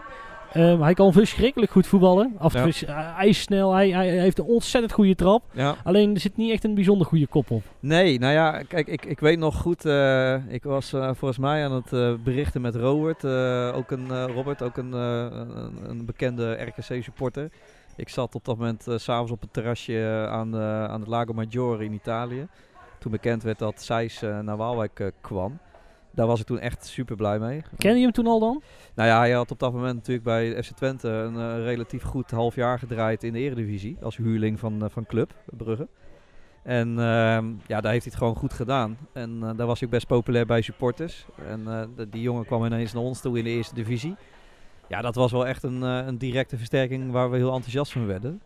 Wat wel opvallend is bij, en bij hem altijd is geweest, vond ik, dat hij eigenlijk in bijna het hele seizoen dat hij voor het eerst bij ons speelde, bijna nooit langer dan 60 minuten kon volhouden. Ja, En eh, terwijl hij echt wel gewoon een jonge voetballer is. Hè, dus eigenlijk eh, alle energie zou moeten hebben. En eh, bij wijze van spreken twee wedstrijden achter elkaar zou moeten kunnen voetballen. Dus dat, dat is altijd wel een beetje vreemd geweest. Maar toch in de minuten die hij maakte, toch wel regelmatig met assist en goal het onderscheid heeft gemaakt. Zo eerlijk moeten we ook wezen. Ja, ik herwen hem dus ooit. Dit, dit, dit zal, s- eh, weet, dit zal hij zelf niet leuk vinden. Maar ik, eh, er was ooit een keer een verdwaalde donderdagavond dat ik voor een andere podcast een vergaderingetje had. En zoals jij, Bram, inmiddels weet, doen we die vergaderingen wel eens in de McDonald's. Ja. En eh, ik zit daar zo eh, met die gasten te ouwe hoeren. En we zijn een aflevering aan het voorbeschouwen, weet ik veel. En op een gegeven moment kijk ik zo naar links. En komt daar dus die Belgische smurf binnenlopen. Oh, echt Die serieus? bestelt een paar keer, weet ik wat hij had, kip nugget en een chili chicken of zo. En die zit het op te eten en, en hij ging weer weg. En dat was volgens mij net voordat de play-offs begonnen vorig jaar. En dan denk ik, ja, weet je, dat is misschien niet heel slim, eh, Nee. vriend. En zeker niet om dat in- ook in Waalwijk eh, Nee, ja, te dat. doen. Nou ja, weet je, kijk, het is een, eh, je komt ook wel bij de viering van ons kampioens of onze promotie, kon je ook wel zien wie een beetje de jongens in de selectie zijn met de, de grote mond tussen Ja. aanhalingstekens. Jawel, viel wel op, hè? Ja, hij viel wel redelijk op, hè? Ja, en Etienne heeft ook wel een grote mond, hoor. Ja, die viel ook op. Maar goed, die maakt het dan in ieder geval ook waarder nu. En, eh, maar uh, Seis, die, eh, die, die stond wel echt vooraan, hè? Die, Ja, te springen. Ja, ja, Ja, dus dat, eh, en daar is niks mis mee overigens. Want ook zulke gasten moet je hebben in je selectie. Maar daar moet wel eh, de neus dezelfde kant op staan. En dat was overduidelijk dit, eh, dit jaar niet meer het geval. Nee, ik vind het een beetje flauw dat hij dan zo'n schop nageeft in de, in de, in Ja. de- zeg maar een heel klein beetje zelfkritiek eh, mag hij wel, is het, mag, ja, mag hij wat meer tonen, zeg maar. Ja. Zeker. Maar ja, dat, dat kan niet iedereen. Dat is ten eerste. En ten tweede weten wij natuurlijk ook niet van alles, de in- en outs. Van wat daar echt, Ja. eh, echt heeft gespeeld. Eh, dus dat is ook altijd lastig om dan echt iemand eh, ergens in een hoek neer te zetten. Maar goed, het, het, deed hem wel wat. Hè. Dat kun je, dat is positief. Ja, eraan ja als- nee, als kijk, en hij, weet je, eh, hij heeft het ontzettend veel RKC betekend, want ja, hij is eh, ook debe- eh, debet aan het feit dat we van zo laag ja, zeker. het terug zijn aan de plek staan waar we nu staan. Dus wat dat betreft ook alleen maar respect voor hem. Ja. En misschien dat we over vijf jaar toch denken aan die kleine kuitjes op het veld van. Excelsior, die daar hup langs de lijn ging om weer eens een keer een bal voor te geven. Ja, mijn vrouw zegt zelf ook altijd de kabouter van RKC was het Lil- Shaqiri is ja, het? Ja, ja, zo'n type voetballer is het ook wel een beetje. Ja. Ehm, zijn er nog plekken, eh, plekken of eh, eh, posities die we hadden moeten versterken? Ja, nou kijk, ik, er is één positie waar, waarvan ik ook weet dat, dat RKC dat zelf heel erg graag had gewild. En dat is de spitspositie, hè, de centrale Ja. aanvallen. Kijk, met alle respect voor Mario, fantastische kerel. En goed in ballen vasthouden, al was dat tegen VVV ook niet het Ja. Maar het is natuurlijk, als je gewoon heel eerlijk bent, eh, voor het spel wat RKC wat Grim wil spelen, heeft hij qua spelbeeld een heel positieve invloed. Maar je, mag, je moet van een spits meer verwachten dan dat. En eh, hij scoort gewoon veel en veel en veel te weinig. En eh, dit jaar in de Eredivisie, ondanks heel veel minuten, ook eh, nog helemaal niet. Ja, dat kan gewoon niet. Eh, kijk, je kunt niet een tweede Rick Hogendorp zomaar ergens vandaan Nee, toveren. nee. Maar dit is wat andere uiterste. Ja, En ik weet ook dat RKC heel graag ook wel een, eh, nieuwe centrale spits had gewild. Hè. Dat is natuurlijk ook wel een beetje het idee met Vente geweest. In eerste instantie. Maar eh, ja, dat is gewoon zo ontzettend moeilijk om. eh, en zeker ook in de winter. En ook trouwens in de zomer, omdat we natuurlijk vrij korte tijd hadden dat we ineens wisten, hey, we worden eredivisieclub weer. Dan is het gewoon zo ontzettend moeilijk om echt goede spitsen te halen met het budget wat je hebt in zo'n korte periode. En ze hebben zeker deze winter ogen en oren open gehouden. En er zijn ook wel links en rechts naar verschillende spelers eh, is er geïnformeerd. Die eh, in de punt van de aanval zouden kunnen spelen bij RKC. Maar ja, dat is om verschillende redenen gewoon allemaal niet doorgegaan. En toen kwam de optie eh, Hansson eh, langs. En dan heb je alsnog een optie met eh doelpuntengarantie. ja. En zo is het nu opgelost. Op zich prima, denk ik. Ja, nee, eh, eens. En ehm, eh, het is alleen wel zo dat eh, uiteindelijk heb je wel een spits nodig. Want als je kijkt naar de clubs om ons heen, dan heeft VVV op zich een prima spits. Bij ADO hebben ze die Neesiet staan. Eh, bij PEC hebben ze die Iraniër, Ja. Goganadjad. Ja. Dat, zijn, ja, dat zijn toch jongens, kijk, het, het, is geen, eh, het zijn geen toppers. Maar eh, die, die scoren er wel zes of zeven. En wij Ja. hebben, onze spitsen hebben er allebei nog nul, Ja. nul gemaakt. Ja. Ja, en dat doet toch pijn. Oh, ik gun het, eh, ondanks dat het natuurlijk eh, eh, uiteindelijk, eh, natuurlijk gun je het die spelers, want ze, ze hebben een RKC-shirt aan. Maar ook Mario is een hele sympathiek gast. Ja, absoluut. Dus dan, Ja. dan, dan is het ook lullig voor die jongen dat, die, dat, dat het dat, dat niet lukt. En hij was tegen Twente zo verrekte dichtbij. Hè? Alleen die, die drommel die eigenlijk, nou ja, ik wil zeggen, niet nooit iets pakt. Maar het gaat wel eens mis, pakt hem echt prachtig uit kruising. Ja. Dat klopt. Kijk, dat is dan, ook, dan heb je dat soort dingen natuurlijk ook tegen. Nou ja, kijk, ik denk dat bijna elke RxC-support enthousiast is over Mario als persoon. Ja. Als uithangbord van, het, eh, van de club. Hè, al- als hij geïnterviewd wordt ook. Ook de laatste wedstrijd uitermate correct. En, eh, dus nee, super, natuurlijk Super Mario, hè, dat, eh, die gunnen we het zeker. Alleen, ja goed, je moet even los van de persoon ook wel eens kijken natuurlijk naar wat zijn de kwaliteiten van Ja, de speler. En ja, Kijk. FCM die promoveerde toen hij daar speelde. En die hebben toen ook heel bewust gekozen om niet met hem de Eredivisie in te gaan. En ik denk dat we ook zelf wel een beetje begrijpen waar dat op gebaseerd is. Nou, dan zit de transferwinter zit er wel op. Ehm, dan eh, gaan we toch, eh, ja, waarvan we hoopten dat we er, waarvan we begin januari hoopten dat we er zoveel leuker op terug gingen kijken dan dat we nu gaan doen. Eh, ADO uit en VVV thuis, om maar eens in Den Haag te beginnen. Ehm, de 1-0 was eh, voor eh, rust uit een vrije trap. Ik heb ben eventjes, wie heeft hem gescoord? Pinas, Pinas eh, met een kopgoal en de tweede was een vrije trap van Meijers die Ja. die eh, heel mooi binnenschoot. zeker. Jammer dat al twee de oud-RKC'ers het eh, moeten doen. Ja. Ik weet, weet in ieder geval waar ze het geleerd hebben. Ehm, ja, waar moet je beginnen? Ja, bij, bij de teleurstelling denk ik. Jawel hè? Ja, kijk, eh, fantastisch natuurlijk. Hè. Sowieso in eerste instantie even complimenten aan iedereen die mee is gegaan. Ik bedoel, eh, eh, 500 man uit, uit vak, vol met geel-blauw. Ja, dat blijft een fantastisch gezicht. Wat we natuurlijk eh, eerlijk is eerlijk niet al te vaak eh, hebben in Nee. het seizoen. Dus dat was super. En dat is ook mooi om te zien. Hè, van hoe, eh, tenminste, dat vind ik zelf heel mooi. Om te zien hoe toch RKC duidelijk wel weer leeft. Ja, ik vind het ook wel tof te zien, om vooral bij wie het leeft. Ja. Want ik ben niet een heel erg vervent uit, uitwedstrijd bezoeker. Maar ik ga af en toe wel eens mee. En wat me toch wel opvalt is dat, kijk, weet je, vorig jaar gingen er gewoon eh 40, 50 man mee, elke wedstrijd. Ja. Eh, eh, en nu ineens 500, dus waar komen ze vandaan? En je ziet ook wel dat heel veel jonge gasten, tussen de, toch van vanaf 16 tot en met eh 18 jaar, dat een heel gr- grote kern vormen van die jongens die, die meegaan. En dat is super tof. En eigenlijk hopen, we, hopen we hopen we dat we die een beetje vast kunnen houden. Want we hebben natuurlijk vijf jaar lang niet echt heel eh, hele goede marketing gehad. Nee, het was zelfs zo erg dat als we een keer een kaartjesactie hadden en er meer dan 3000 man in het stadion zat, het voetbal niet om aan te gluren Nee, was. alsof, Met als eh, absolute dieptepunt en met thuis in de play-offs 5-1. Ja, Oh, ja. Verschrikkelijk. Ja, klopt. Ja. Net alsof dat altijd averechts werkte, ja, leek het wel eens. Nou ja, dat klopt joh. En, eh, maar, dus het is fantastisch om te zien hoe dat tegen ADO zo was. Een wedstrijd waar we natuurlijk met z'n allen heel veel van hadden gehoopt eh, slash eh, verwacht. Ja. Eh Spierings wel weg natuurlijk op dat moment. De Rijn dus als enige versterking in het veld. Maar ehm, ja, goed, als je dan ziet, het aantal schoten kwam nog eh, overeen. Zes voor ADO, zes voor, voor, voor ons. Oh. Waarvan er drie voor ADO trouwens wel op goal waren en twee voor RKC. Maar als je dan naar balbezit kijkt, hè, dan is het echt letterlijk over de hele wedstrijd gezien had ADO 30% balbezit Ja, en, normaal. en RKC 70%. maar ja, als je dan ziet, eh, heel eerlijk, die wedstrijd zelf, het voelde voor mij aan als een beetje kansloos de bal heen en weer eh, voetballen zonder überhaupt enigszins gevaarlijk te worden. Maar ja, het zegt wel iets dat je 70% balbezit hebt. En een aantal passes ligt er ook niet om. 287 voor ADO Den Haag. En 654 voor Jeetje. eh, RKC. Weet je, ja, dat is de, ja. Ja, dat zegt alles. En de nauwkeurigheid overigens ook. Want van die passes werd 67% van ADO eh, kwam aan. Tegen 86% van eh, RKC. Dus ja, weet je, ik denk deze statistieken laten wel zien dat wij gewoon op alles een bovenliggende partij waren eigenlijk. En je verliest eigenlijk twee keer uit de vrije trap, een doodspelmoment. ja. Waarvan iedereen weet dat ADO daar goed in is. En ja, die, die vrije trap van mij was natuurlijk, eh, die, eh, die eerste, die 1-0 was natuurlijk ontzettend zwak verdedigd. Ja. Eh, van Reinders helaas Ja. in dit geval. Maar die 2-0 was natuurlijk gewoon een fantastisch doelpunt van Meijers. En daar, daar ging die rode kaart van Delqua natuurlijk aan vooraf. Dus op dat moment was het eigenlijk al, al klaar. Ja, en het, het, het, het, vervelende is alleen als je een ploeg bent als RKC, eh, die wel heel graag wil voetballen. Dan weet je gewoon dat in de wedstrijden tegen je concurrenten, dan ga je het gewoon lastig hebben, want die willen niet voetballen. Dat zag je het zowel tegen ADO heel erg en Ja. VVV ook wel. Ja. Kijk, Hans de Koning is gewoon geen trainer die gaat voetballen.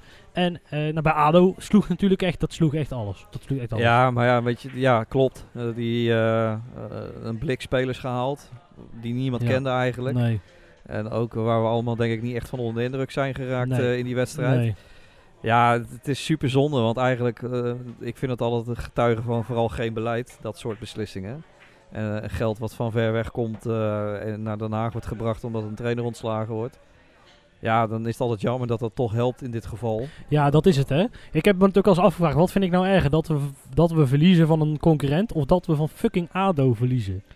Ja, nou ja, ik, ik, ja, nou ja, goed. Ik heb zelf inderdaad vooral eh, het beleid wat ik dan jammer vind. hè. Ik denk dat RKC een van de clubs is in de Eredivisie op dit moment met het meest verstandige beleid. En eh, waar in ieder geval ook echt een gedachte achter zit. Ja. Zowel qua beleid als ook qua eh, spelopvatting. En dan hoop je natuurlijk dat zo'n eh, bij dat, dat ja, een dure Engelse trainer halen met een blik Engelse voetballers. Ja, die echt nog nooit van RKC heeft gehoord. Nee. Daar geloof ik helemaal niks daarvoor van. misschien, ja, hij beweert het Nederlands voetbal heel lang te volgen. Dat zou dag. kunnen, maar dat zal waarschijnlijk dan vooral Ajax, Feyenoord of. PSV zijn. Maar in ieder geval, ja, dan, is het gewoon, dan hoop je gewoon des te meer dat het, het beleid zegeviert. En dat was nu helaas niet het geval. Eh, dat maakt het zuur. En eh, ja, ik denk het dompen. Ik, al, ik had zelf nog wel zoiets van, nou, de belangrijkste wedstrijd komt nog. Dus het is een slechte start na de winter, maar zeker nog niet, eh, niet gedaan.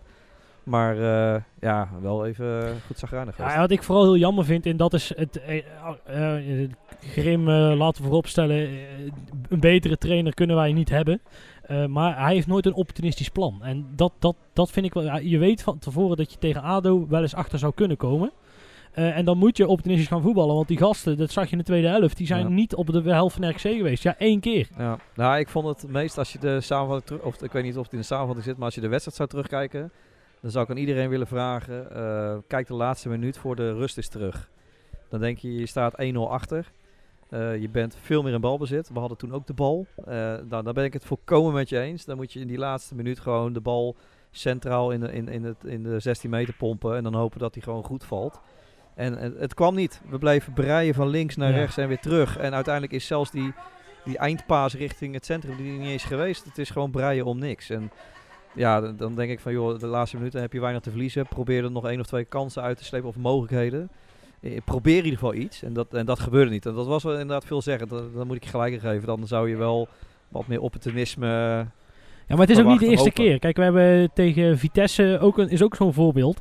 Dan gaan we opportunistisch spelen, maar dan weet eigenlijk niemand van elkaar wat ze precies aan het doen zijn. Ja, En als je toch heel de week met elkaar op zo'n trainingscomplex rondloopt, dan zou je toch één dinsdagochtend kunnen zeggen: jongens, wat als we achterkomen en het is eh, met 1-0 net voor rust, weet ja, je wel? Ja, Dan, da- da- da- daar baal ik wel eens van. ja eh, misschien eh, moet je de Drunense verdediger die we hebben, eh, is opleiden tot een stormram voor de laatste 10 minuten in de van. spits. Nou, ja, ik, hij zou het kunnen, denk ik. Nou ja, het zal in ieder geval een type speler zijn die, het is natuurlijk geen aanvaller, maar om die laatste vijf of tien minuten de bal hoog te gooien en dan hopen Ja. dat hij goed valt. Ja, het zal dat- niet de eerste keer zijn. Nee, dan, dat zou met hem kunnen.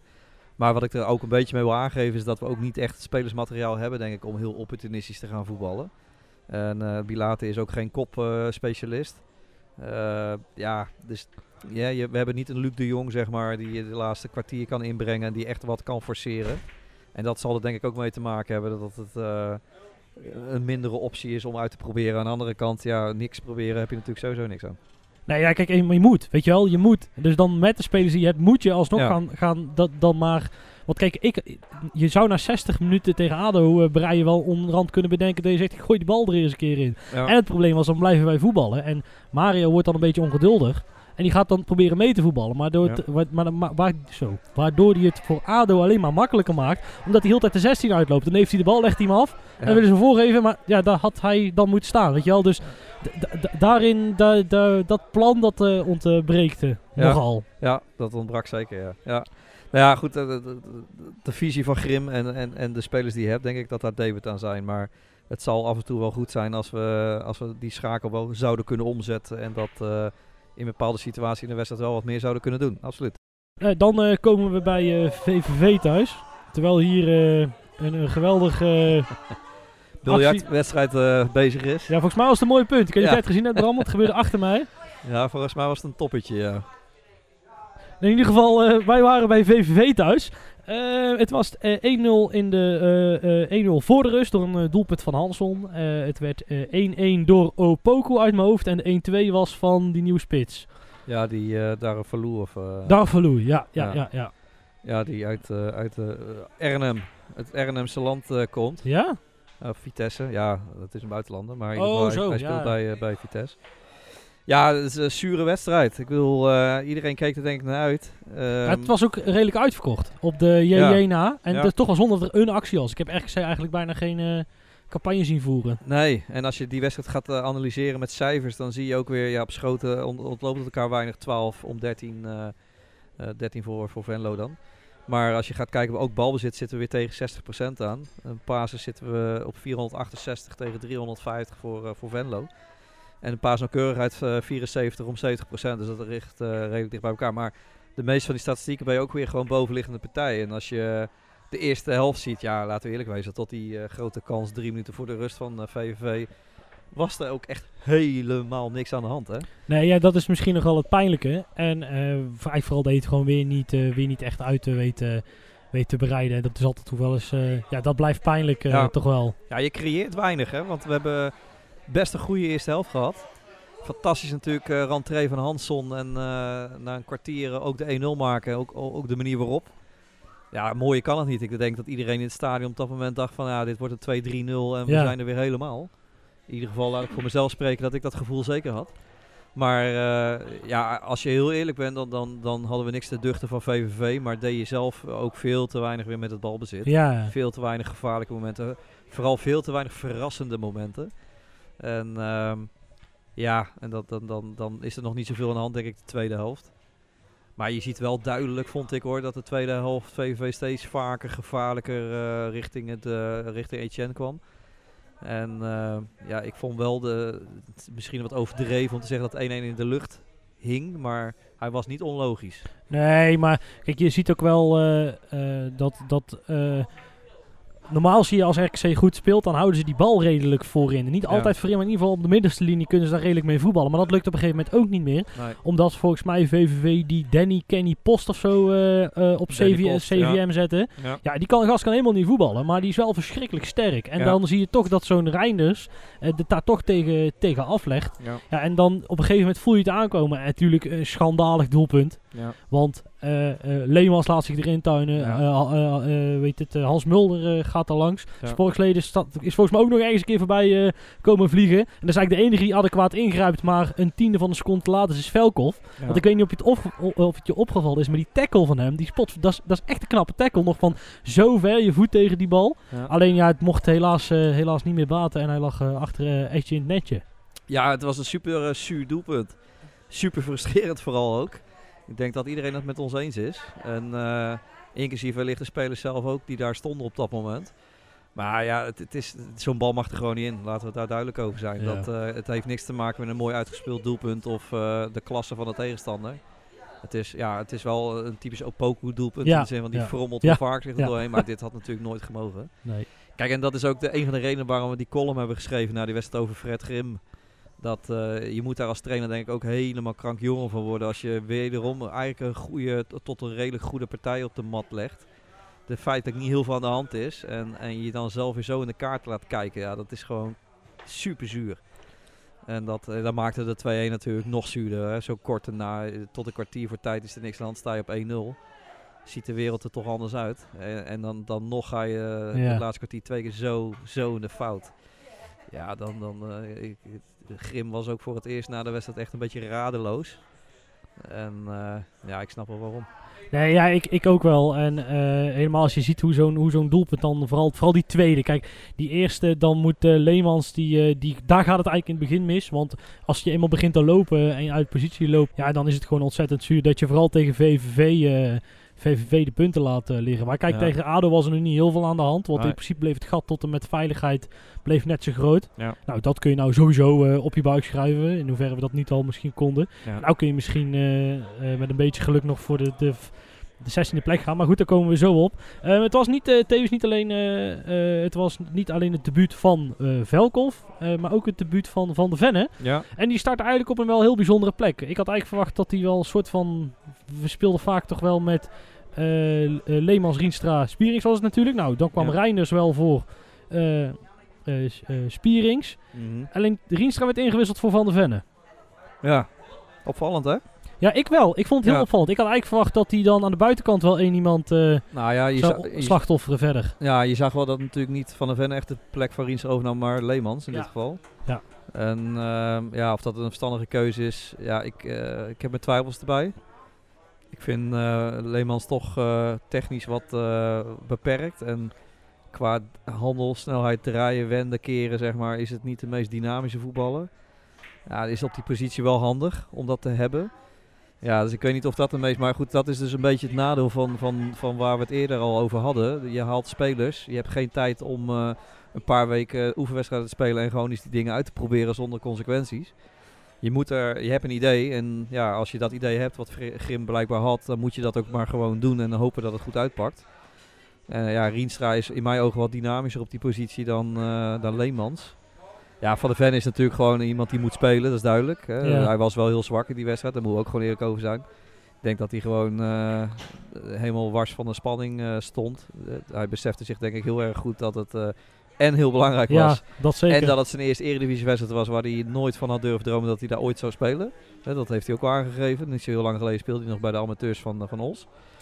Ja, dus kijk, het heeft gewoon niet goed uitgepakt. Zo eerlijk moeten we wezen. Nou ja, ik vind... zo, zo ben ik niet zo'n bijzonder grote fan van. En dan weet toevallig dat jij dat ook niet heel, heel erg hebt. Ehm, eh, en ik had eigenlijk wel verwacht dat hij dan Reinders, ik weet niet in hoeverre hij dat kan, eigenlijk naar de buitenkant zou halen. Eh, en dan eh, Van de Venne richting, richting 10 zou gaan. Om gewoon met Rienstra en Leemans te voetballen. Wat ik zelf nog steeds de beste optie vind. Of met Tahiri ergens nog tussen, tussen frommelen. Ja, kijk, maar zo, ik ben inderdaad niet een, echt een hele fan van zo. Ik, hij heeft wel overigens natuurlijk een aantal wedstrijden wel, is hij wel beslissend geweest. Maar die komt wel echt tekort voor de eredivisie. We hebben daar natuurlijk normaal gesproken veel betere eh, eh, met Elders. Alleen ja, die is helaas al heel lang geblesseerd. Maar nou ja, goed. Ik had zelf eerlijk gezegd nog wel verwacht dat hij misschien eh, een driemans middenveld zou opstellen met een, de punt naar voren. Dus dat wil zeggen dat hij Van de Ven op 10 zou zetten achter de spits. Hè. Dus Van de Ven die bij Bilate kan aanschuiven. En daar met zijn assist en, en, en schoten van net buiten de 16 gevaarlijk kan zijn. Waarbij dan twee spelers erachter zet die wat meer controlerend zijn. Leemans een beetje links georiënteerd. En Reinders wat meer rechts georiënteerd. Dat was eigenlijk een beetje de opstelling die ik zelf verwacht had. Maar goed, daar heeft hij dus eh, niet voor gekozen. Ehm, ja, kijk, nou, ik zie dit echt als een voorbeeld van eh, een situatie waarin je eigenlijk gewoon een aantal wedstrijden de tijd nodig hebt om te kijken wat het meest ideaal is met het materiaal wat je nu hebt. Er zijn keuzes te maken, dat is natuurlijk al heel wat. En ehm, nou, we gaan de, we gaan de komende wedstrijden gaan we zien eh, wat uiteindelijk volgens Grim toch de meest ideale opstelling gaat zijn. Ja, ik ben benieuwd. Ik denk eh, dat het zomaar zou kunnen. Eh, Grim kennende. hij zei zelf al nieuwe spelers moeten spelen. Dus die zullen dan ook wel spelen. En voor de meesten ook nog logisch ook. Ja, dan zal toch Rienstra een slachtoffer te worden, denk ik dan. Wat toch wel bijzonder is als je je aanvoerder op de bank houdt. Ja, ik weet niet of dat echt blijft gebeuren. Dat, ja, ik weet het niet. Ik, ik, ik vond de, de optredens tot nu toe niet van die aard dat ik denk Rienstra blijft eruit. De, zijn opvolger, om maar zo te zeggen, in het veld hebben niet laten zien dat de Rienstra minder is dan zij. Nee, nee, nee, maar ja, wie zou je er dan, eh, wie moet er dan uit? Weet je wel, dat is, dan krijg je dan weer die vraag. Kijk, ik geloof niet dat die Leemans eruit haalt, want die jongen, die, kan, die, die, die, zijn trap is zo verschrikkelijk gevaarlijk. Ja. En daarbij eh, verdeelt hij de paasjes af en toe nog best redelijk. Ja. Eh, die haal je er niet uit. Nou, Van de Venne, die is gekocht, dus Ja. die haal je er ook niet uit. Ja, dan wordt het toch een, ergens met een buitenspeler rotzooi of een Reinders. Nou ja, ik, ik zelf blijf een beetje bij de optie. Ik zou zelf eh, opteren om, eh, om dan bijvoorbeeld eh, die van, de Venne dan echt gewoon achter de, achter de spits te laten spelen. Dus op, vanuit Ja. het middenveld met de punt naar voren. En daar twee wat controlerendere spelers achter. En dan Leemans met Rienstra. En dan denk ik dat je de, de, de gevaren van Leemans hou je in de ploeg. Eh het dynamische, controlerende spel, eh, de snelheid van Rienstra, die hou je er ook in. En je hebt een speler, je kunt eh, Van der Venne wat meer vrijheid geven om zijn intuïtie te volgen. En zijn passes, assists en schoten gewoon te lossen. En ja, ik, ik zou dat wel, wel willen zien hoe dat zou uitpakken persoonlijk. En dan heb je Reinders inderdaad kind van de rekening. Maar ja, we hebben gewoon nu wat te kiezen. En elke speler die we er nu uitzetten is, is, feitelijk zonde. Dat is voor Rienstra is het zonde. Voor Reinders is het zonde. Voor Leemans is het zonde. Ja, Van der Venne is een zekerheidje. Ja, en ik vind dat, eh, kijk, we moeten de komende wedstrijden nog zien. We hebben natuurlijk nou PEC en eh, Sparta. Ja. Nou, als je daar geen punten pakt, dan denk ik toch dat we mogen concluderen dat het er eh, niet in zit. En dan moet je gaan kijken naar volgend jaar, ja. denk ik. Ja. En dan zul je Rienstra sowieso moeten laten spelen. Want één, zijn contract loopt door. En twee, Leemans ga jij never nooit behouden, al blijf je erin. Nee. En hetzelfde geldt voor een, voor een nou, misschien een Reinders, dat weet ik niet. Die zal misschien AZ in de Eredivisie willen stallen. Die gaat volgend jaar Koopmeiners nog niet vervangen in ieder geval. Dus in ieder geval, daar zul je daar toch meer naar moeten, naar moeten kijken. Ja. En eh, Ja, eens. En eh, kijk, eh, het pack wordt gewoon heel belangrijk. Win je, win je die, dan, dan, dan in, dan is het de weg nog heel lang, maar dan kan het nog. Verlies je die, dan ja. Zeker als de andere eindstanden tegenvallen, zoals ja. afgelopen weekend ja, ook het geval was, Ja, ja. dan, dan is het wel gewoon klaar, ja. ja, ik had, moest wel lachen, want Gerard Peters, Ja. zeg ik dat goed? Ja, op Twitter eh, heel actief eh, volger eh, van RKC Nu. ja. Ehm, die had al een scenario opgetekend waar ik mezelf wel in, herken- in, in herkende. Dat is dat je zaterdag per ongeluk wint. Ja. Wat ik veel dat je wint. Nou, in Amsterdam ga je er waarschijnlijk af. Ja. Nou, dat, dat kon ik ook nog wel meekomen. En Ja. waarschijnlijk tegen Sparta weer verliezen, weet je wel. Dan net die opbouwen en dan, hup, dat is klaar. Dat is precies wat ik thuis ook altijd zeg. Van, en eigenlijk zoals dit seizoen ook al weer loopt. Hè. Je- denk dat niemand na, na elf wedstrijden met één puntje nog eh fiducie had dat, dat dit seizoen een, eh, een succesvol seizoen zou kunnen worden. Dus eigenlijk word je dan voor de wedstrijden wat gemakkelijker. Dat heb ik althans. Er wel toch wat minder spanning op zit, wat minder Ja. eh, verwachting vooral. En dan uiteindelijk draai je weer zo goed een paar wedstrijden dat je de, in de winststop zo voor staat dat je alle kansen, realistische kansen weer hebt. Hè, dan komt dat fanatisme weer boven, dan geloof je er vol in en dan word je zenuwachtig voor wedstrijden. En Ja. dan komt die spanning echt weer om de hoek kijken. En dan net op het moment dat je weer echt eh, gefundeerde hoop krijgt, om het maar zo te zeggen, dan eh, wordt het gewoon net zo keihard weer, eh, krijg je weer een knal tegen je kop, zeg maar. Dat is wel een beetje wat bij RKC hoort, ja. Dat hoor je ook trouwens vaak Feyenoord supporters zeggen. Ja? Dat, ja, dat als ze een beetje hoop gaan krijgen, toevallig dat oh, ik, Feyenoord zelf. Ja. ja, ik, nou ja ik, ik sprak van de week nog een Feyenoord supporter in hart en nieren. En die, ik zei ook tegen hem van, joh, het gaat wel heel erg goed. Hè? Wie weet nummer 1 plaats nog in... en die zei van, ja, maar nu komen er weer verwachtingen en dan gaat het weer fout. Ja. Ja, dat, Ja. dat geldt denk ik voor, eh, voor ons net zo. Eh, wat mij wel opviel aan het einde van de wedstrijd was, ehm, ik weet niet meer waarom, maar ik, eh, normaal zit ik eh, altijd op, het midden, op de middenlijn, op GG. En ik was zo vast eh, teruggelopen richting eh, de hoek. Onder EE door lopen we altijd naar buiten. Dus als je mij ziet, eh, jongens, mag je gerust een keer zwaaien.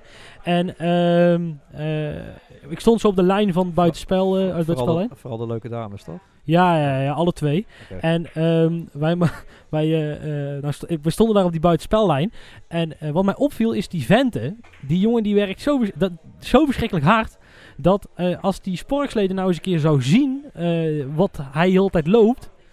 Je hebt bij Ajax heb je die tandem eh Ziyech Promes heel erg. Wat afgelopen zondag Eiting deed. Ze altijd die bal op de tweede paal geven. Terwijl je niet eens zeker weet of die er staat. Ja, dat, dat Nou, heet ingespeeld zijn. Ja, nou dat. En dat zouden ze nou met Vente ook eens moeten proberen. Want die Ja. jongen die loopt zoveel op en neer. Dan Ja. gaat de hele tijd net op het randje. Ik, je ziet die grensrechter al zenuwachtig worden. Van ik hoop dat hij niet naar hem gaat, want anders twijfel ik.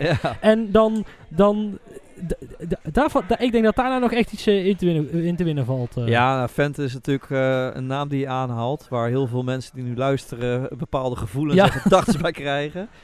Ja, een bijzondere jongen. Eh, echt, echt een bijzondere voetballer. Eigenlijk een, eh, een van de grootste mysteries eh, op dit Ja. moment in de Eredivisie.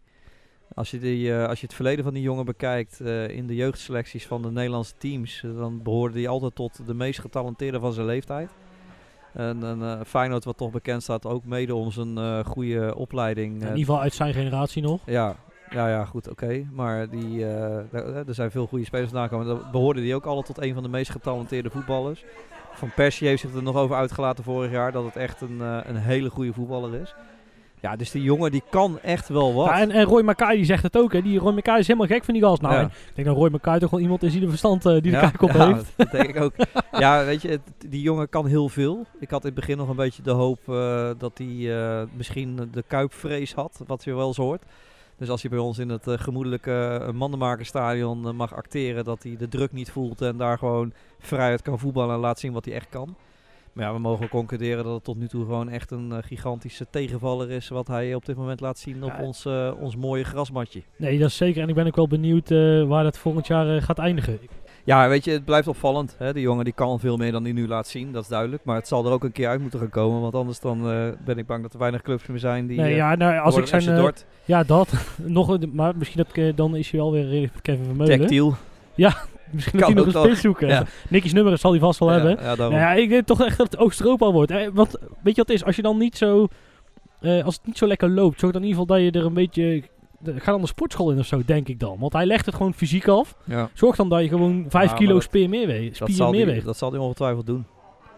Maar ja, dat, eh, is ook, eh, dat is ook iets wat te maken heeft met lichaamsbouwen. Je kunt tot op zekere hoogte kun je iets forceren met trainen. Maar je kunt dat ook weer niet te overdrijven. Want als jij te gericht op spiermassa gaat trainen, dan eh, gaat het weer ten koste van startsnelheid, wendbaarheid, et cetera. En dat is toch ook wel iets wat eh, zijn spel normaal gesproken kenmerkt, zijn sterke kanten. Ja, dus hij moet daar een balans in vinden. In hoeverre ga je, eh, ga je trainen op spiermassa en in hoeverre eh, behoud je je sterke punten eh, met, met, met eh, de wendbaarheid en, eh, en de actie, zeg maar. Is lastig, is lastig. Ja, ja, maar een Depay kan het wel. Heel gespierd zijn en wendbaar zijn. ja, maar heeft Dus- een andere lichaamsbouw. Heeft Ja, echt, echt ja, een andere lichaamsbouw. Ja, die zijn, er zijn gasten, die zul je misschien privé ook kennen, die heel veel trainen en wat eh, voor het oog... eh, eh, ja, ja, ik, ik bijvoorbeeld. ja, hè, helemaal getraind en, en helemaal af, zeg maar. Nee, maar als jij traint, dan zie je het heel snel, Ja. bij wijze van spreken. En er zijn spelers die, of mensen die, die kunnen heel veel trainen. En eh er zijn bij eh, sporters met atletiek of, eh, of, of, of het schaatsen. Eh, je hebt eh, bij het schaatsen zo'n zo'n meisje, Visser heet ze volgens mij. Die fantastisch in lange afstand schaatsen Ja, drie is. die, kilometer. eh, ja. ja, die, die Olympisch kampioene is. En als je de, ik, ik ben dit jaar één keer naar Tialf geweest. Ik zat vooraan en ze stond voor me bij de start. Het is een sprietje. Ja. Er zit geen vet, geen, geen, geen spier eigenlijk op. En toch zit daar gigantisch veel kracht in dat, in, die, in, in, in dat meisje. Dus dat, eh, ja, dat, dat- ja, ik denk dat hij gewoon eh, fysiek daar een nadeel aan heeft. Maar goed, jij had nog iets over de, de, de trainers. Ja, kijk, ik, eh, ik heb genoten van de persconferentie naar RKC VVV. En me- meer genoten in de zin van... kijk, na de wedstrijd kwamen er weer wat geluiden wat ook bij ADO was. ehm, supporters die denken iets te moeten gaan roepen over de trainer. Dat is altijd, altijd heel makkelijk. Ehm, ehm, maar ik, ik heb het ook geschreven in de, de RKC-column, waar ook veel reactie op gekomen is eh, overigens. Dank daarvoor ook trouwens. Ehm, maar eh, toen ik die persconferentie zag en eh Hans de Koning, wat natuurlijk eh, echt een fantastische eh, kerel is. En eh, als ik zie hoe Fred Grim daar zit, eh, de teleurstelling droop van hem af. Maar toch weer een gentleman, toch weer RKC gewoon netjes neerzettend. Eh goede analyse en, en vooral ook die twee trainers naast elkaar, het respect wat ze voor elkaar hadden, wat voetbal was aan alles. Ja, weet je, dat, eh, dat deed mij weer beseffen dat, eh, dat we gewoon echt een fantastische trainer hebben. die, die gewoon echt zich onderscheidt van de massa trainers door zijn opstelling. En ook, ja, net zoals Frank eigenlijk, gewoon niet laat leven door de emotie van de dag. Maar gewoon vasthoudt aan, aan zijn visie. Ja, en dat kan soms eh, wat minder gelukkig uitpakken. Maar ik, eh, ik heb liever dit dan allerlei rare eh verratsen en, Ja, en, voor de goal gaan liggen. En dan, daar redden we trouwens ook niet hoor. Nee, dat kunnen wij niet. Nee. We, hebben het eigenlijk zijn nooit gekund overigens. Nee, daar hebben we al totaal spelers niet voor. En ah, joh, daar gaat uiteindelijk toch ook niemand voor naar het mandenhaak staan. En laten we eerlijk wezen. Nee, wat ik, ik zou... Stel, hè, we gaan eruit. Ja. Eh, is, eh, zit Fred Grim dan volgend jaar nog op de bank? ja, dat is de vraag. Dat is de vraag. Kijk, normaal gesproken nee. De enige kans die je hebt is eh, de samenwerking die goed is tussen, tussen Fred en tussen Frank. De liefde voor de club die er misschien wel aardig ontstaan is in de afgelopen twee jaar. Toch, ik denk dat RKC voor Fred wel de meest bijzondere club is geweest in Ja. zijn trainersloopbaan tot dusver. Met alles wat er gebeurd is.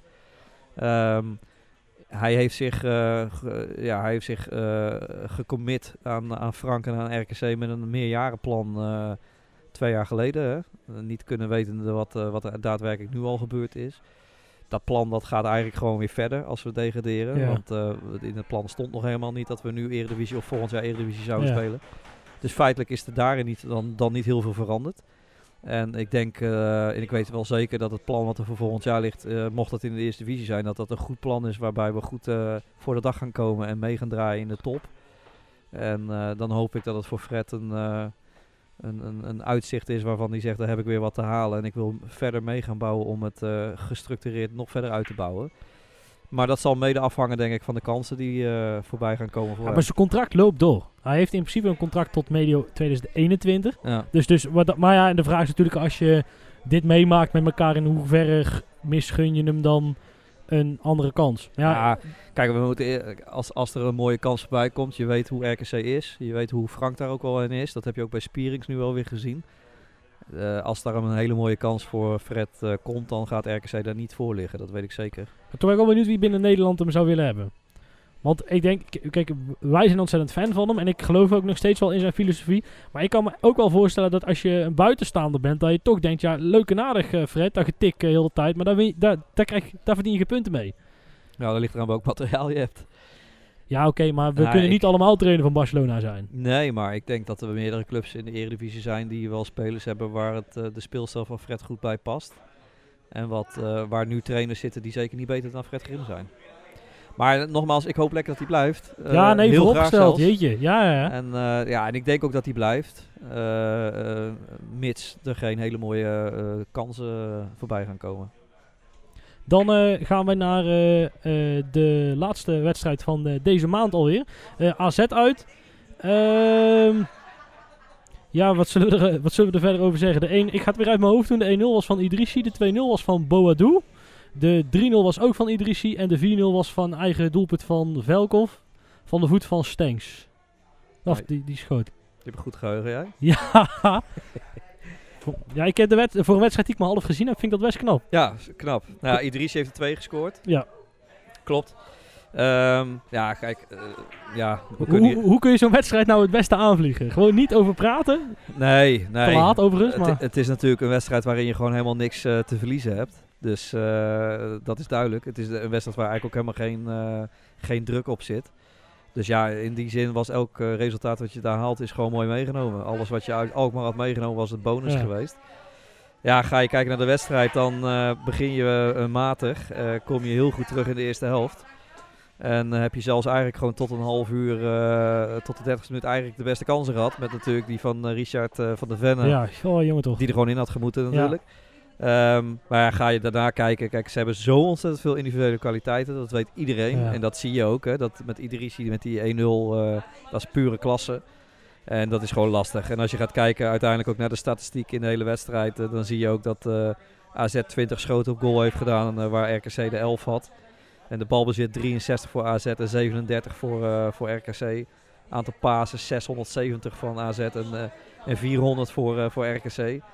Ja, weet je, dan, dan alles eh, is in het voordeel van AZ. En als je dan ook het spelersmateriaal ziet, de plek op de ranglijst. eh, ja, weet je, daar kun je hier gewoon niks van zeggen. Er staan Dan, jongen eh, twee gasten die hebben al een, of een interland op hun naam staan voorin. Hè. Bodo en Stenks hebben al, Ja. allebei al gespeeld. Ja, een dus van de grootste talenten van Nederland. Ja, zeg dat wel. Ja, die gaan het ver, ver komen, wil je zeggen. Ja, is wel de verwachting, ja. Ja, nee, dat helemaal eens. Ik vond het wel exemplarisch voor het het beleid dat je ziet dat wel wat, wat lukt. Dat klinkt heel cynisch, maar zo bedoel ik het niet zozeer.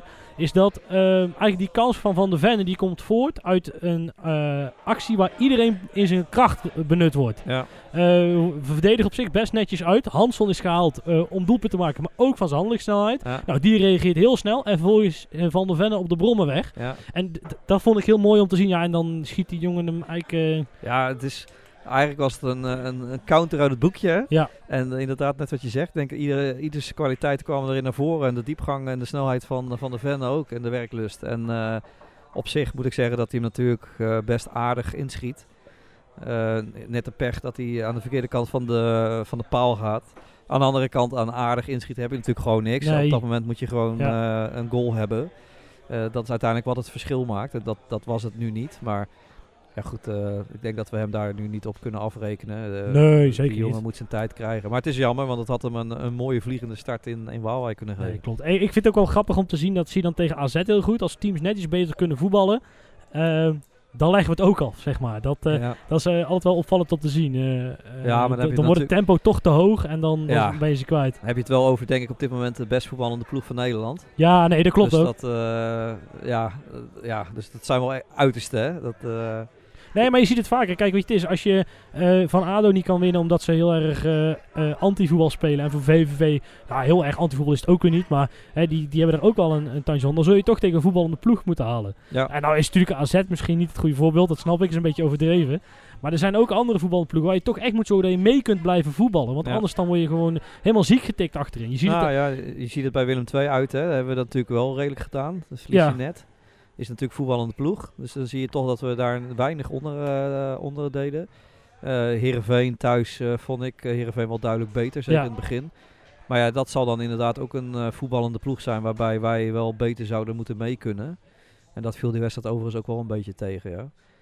Ja, het, het, het is... Ja, maar als je ziet hoe makkelijk ze uit elkaar gespeeld worden. Als je ziet dat, kijk, mijn trainer, ook in de derde klas op zaterdag, zei tegen mij: je moet die speler bijhouden en dan mag hij niet je broekzak uit.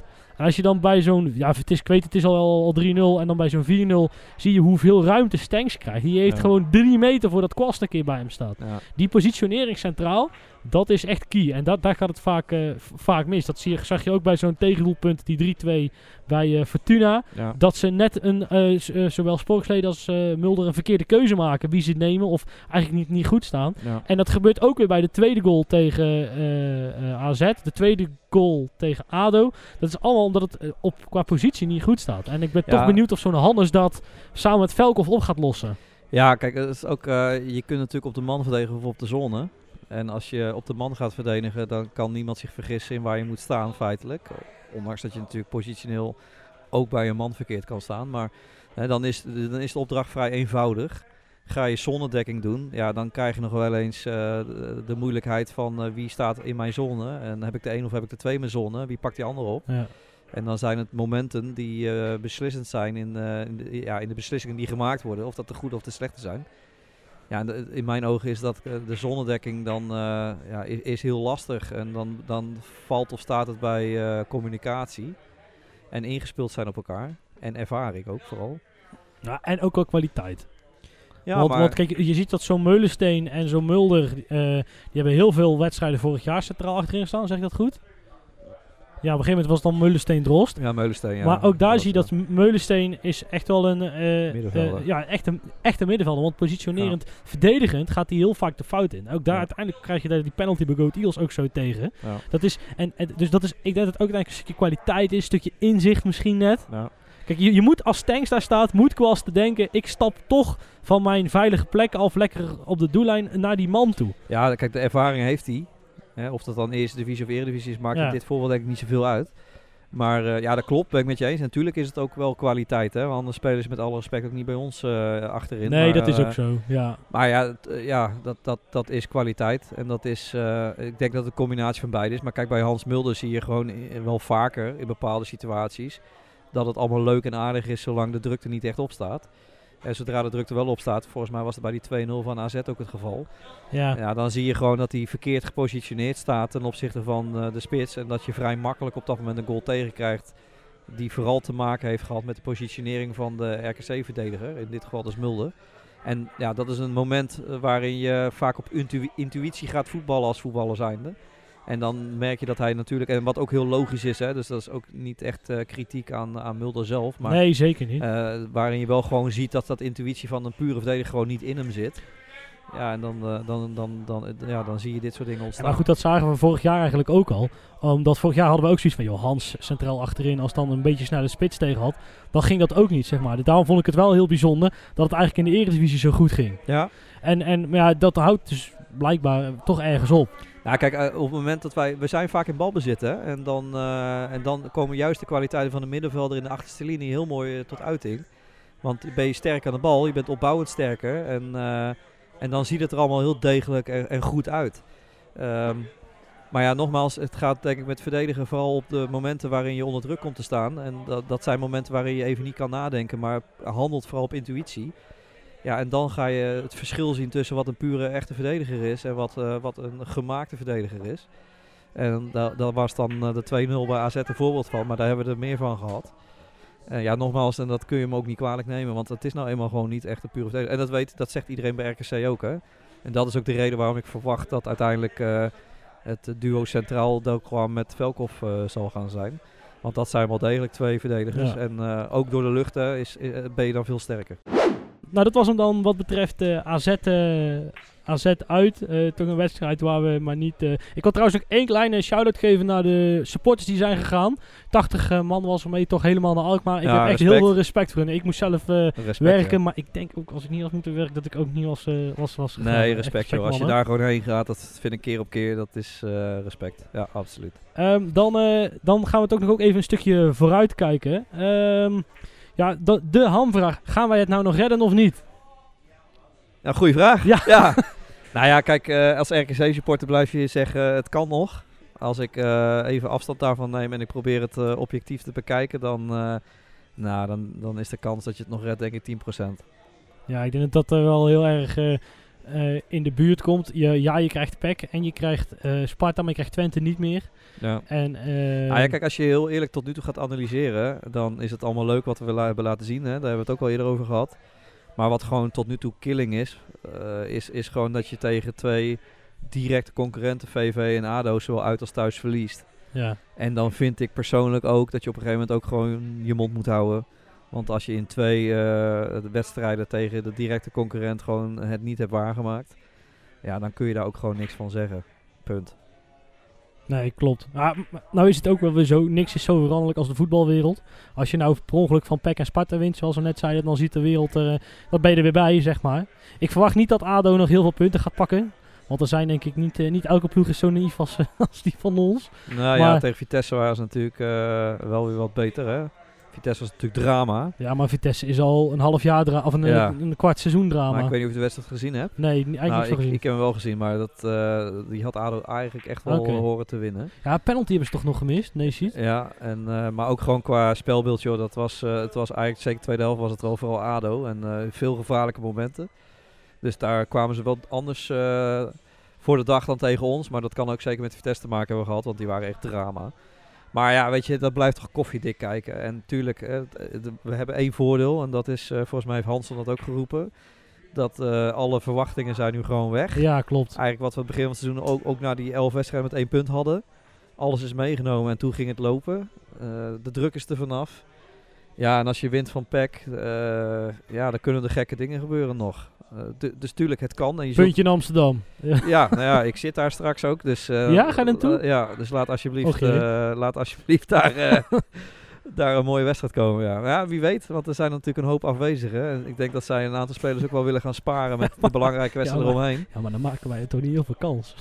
Nee, veel kans Ja. niet. Maar ja, ja, tegen Sparta thuis heb je ze gezien. En hebben ze ook geluk gehad dat ze wonnen. Nee, dat klopt. RKC thuis was natuurlijk, eh, daar hadden we ook een kans Oh. om, eh, ja, daar gaan we Ja, ook niet jij- te lang nee, over jij hebben. weet dat. Ik word af en toe s'nachts nog wakker Ja, ja. van maatsen. Dan Ja. schreeuwen de, ah, ach, die kans, jongen. Dat screenshot krijg ik niet van mijn netvlies. Ja, maar gewoon, weet je wat het is? In al die jaren RKC hebben we gewoon van één ploeg echt nog nooit gewonnen. En dat is Ja. Ajax. Ja, En die hebben al een paar keer zo lelijk gewonnen in Waalwijk. ja. Dan hoop je gewoon dat het net, net, een keer Ja, lukt. ik kan me wel een wedstrijd herinneren, een aantal jaar terug speelden we thuis tegen Jong Ajax. En eh, toen wonnen we met 3-2. En dat was een Jong Ajax met eh, De Licht, Frenkie de Jong, Ja. Nouri en Donny van der Beek, allemaal aan de basis. Eh, dus dat was toen wel echt fantastisch. Ik zat ook met een diehard Ajax supporter op de tribune. En dat was het toch wel lekker, ondanks dat dat Jong Ajax is, maar toch wel lekker dat je die won. En achteraf gezien extra knap als je ziet wat voor kwaliteit daar rondliep. En waar die jongens nu allemaal rondlopen. Ja, nee, dat, dat, dat klopt zeker. Nee, maar het- van Ajax winnen is altijd mooi. Dat, is, dat, dat, dat blijft toch in zitten. Ik, Ja. weet, ik, ik, ik, ik weet niet wat dat is. Vorig jaar ook, eh ook eh, dat hadden we 3 3 4-1 gewonnen of zo met Heemskerk op goal. Ja. Nou, dat hadden we eigenlijk niet nog een keer moeten doen. Maar toen besloot Etje om een paal te koppen. en, eh nee, of nee, speler was tegen AZ. Nou, nou ne- never mind. Ehm, ja, concluderende toch wel dat we, dat we, we gaan het zien. Ehm, Ja, weet je, we gaan gewoon lekker van week tot week, heel cliché, maar van week tot week Ja. ballen. En we kunnen goed voetballen, dat hebben we ook heel vaak laten zien. Er staat geen druk meer op. We hebben gewoon letterlijk eigenlijk niks meer te verliezen. En dat hadden we de afgelopen weken wel, zeker tegen ADO en, eh, en VVV. Nou, dat heb je nu niet meer. En eh, nou, dat, dat kan er ook toe leiden, want ik vond wel, als je de wedstrijd van eh, ADO uitkeek en van VV thuis, het was echt wel te zien dat de spanning erop zat en dat het allemaal toch wat minder frivol oogde en wat minder vloeiend oogde als andere wedstrijden die we gezien hebben. Dus eh, nou ja, laten we hopen dat, eh, dat, dat de verwachtingen nu weer minder zijn en dat de, druk er vanaf is, waardoor we gewoon vrijuit kunnen voetballen. En eh, wellicht toch nog hele leuke verrassende dingen gaan, gaan zien. Nee, ik denk dat dat ook de insteek, insteek moet zijn. Ik ben ook wel benieuwd. ik denk dat PEC thuis een hele vervelende wedstrijd wordt. Want eh, ik las vandaag dat er nog een speler geblesseerd was. Dat Dus die, ook, die- ja. dus die zullen wel heel erg verdedigend gaan, Doen- eh, dat gaan, gaan doen voetballen. ze al hè, sinds de winststop. eh 5-3-2 eh, met Stegen. Nou, nou dat. Ja. dus moet je nagaan hoe vaak ik ergens van maar we hebben wel vaker een leuke wedstrijd tegen Stegenman gespeeld. Hè? Dus dat dus je- het, kan, het kan heel mooi uitpakken. dan moet je, als je in Deventer op bezoek gaat, niet noemen, denk Nee. ik, die naam. Die, daar kunnen ze niet zo eh nou, nee, dat was heel duidelijk daarna. Ja, dat, die, heeft daar, die moet daar niet meer komen. nee. Terwijl ze daarvoor echt wel heel gecharmeerd van ja, waren. ja, Dus dat, oh, jee, ze liepen allemaal met hem weg. Ja, ja. klopt. Het is ook een realistische vent over het algemeen. Maar eh, de beslissing was één en de timing was twee. Eh, Ja. die- heeft zich redelijk... eh, Toch ben ik altijd benieuwd. Dit is helemaal, heeft helemaal niks met onze podcast te maken. Maar goed, was hij nou ook... Stel, Spierings had dat doelpunt niet gemaakt. Was hij dan ook naar PEC gegaan? ja. Dat is toch, daar zou ik wel bijzonder vinden hoor. Nou ja, maar volgens mij was het een dag later dat het bekend werd dat hij naar PEC zou gaan.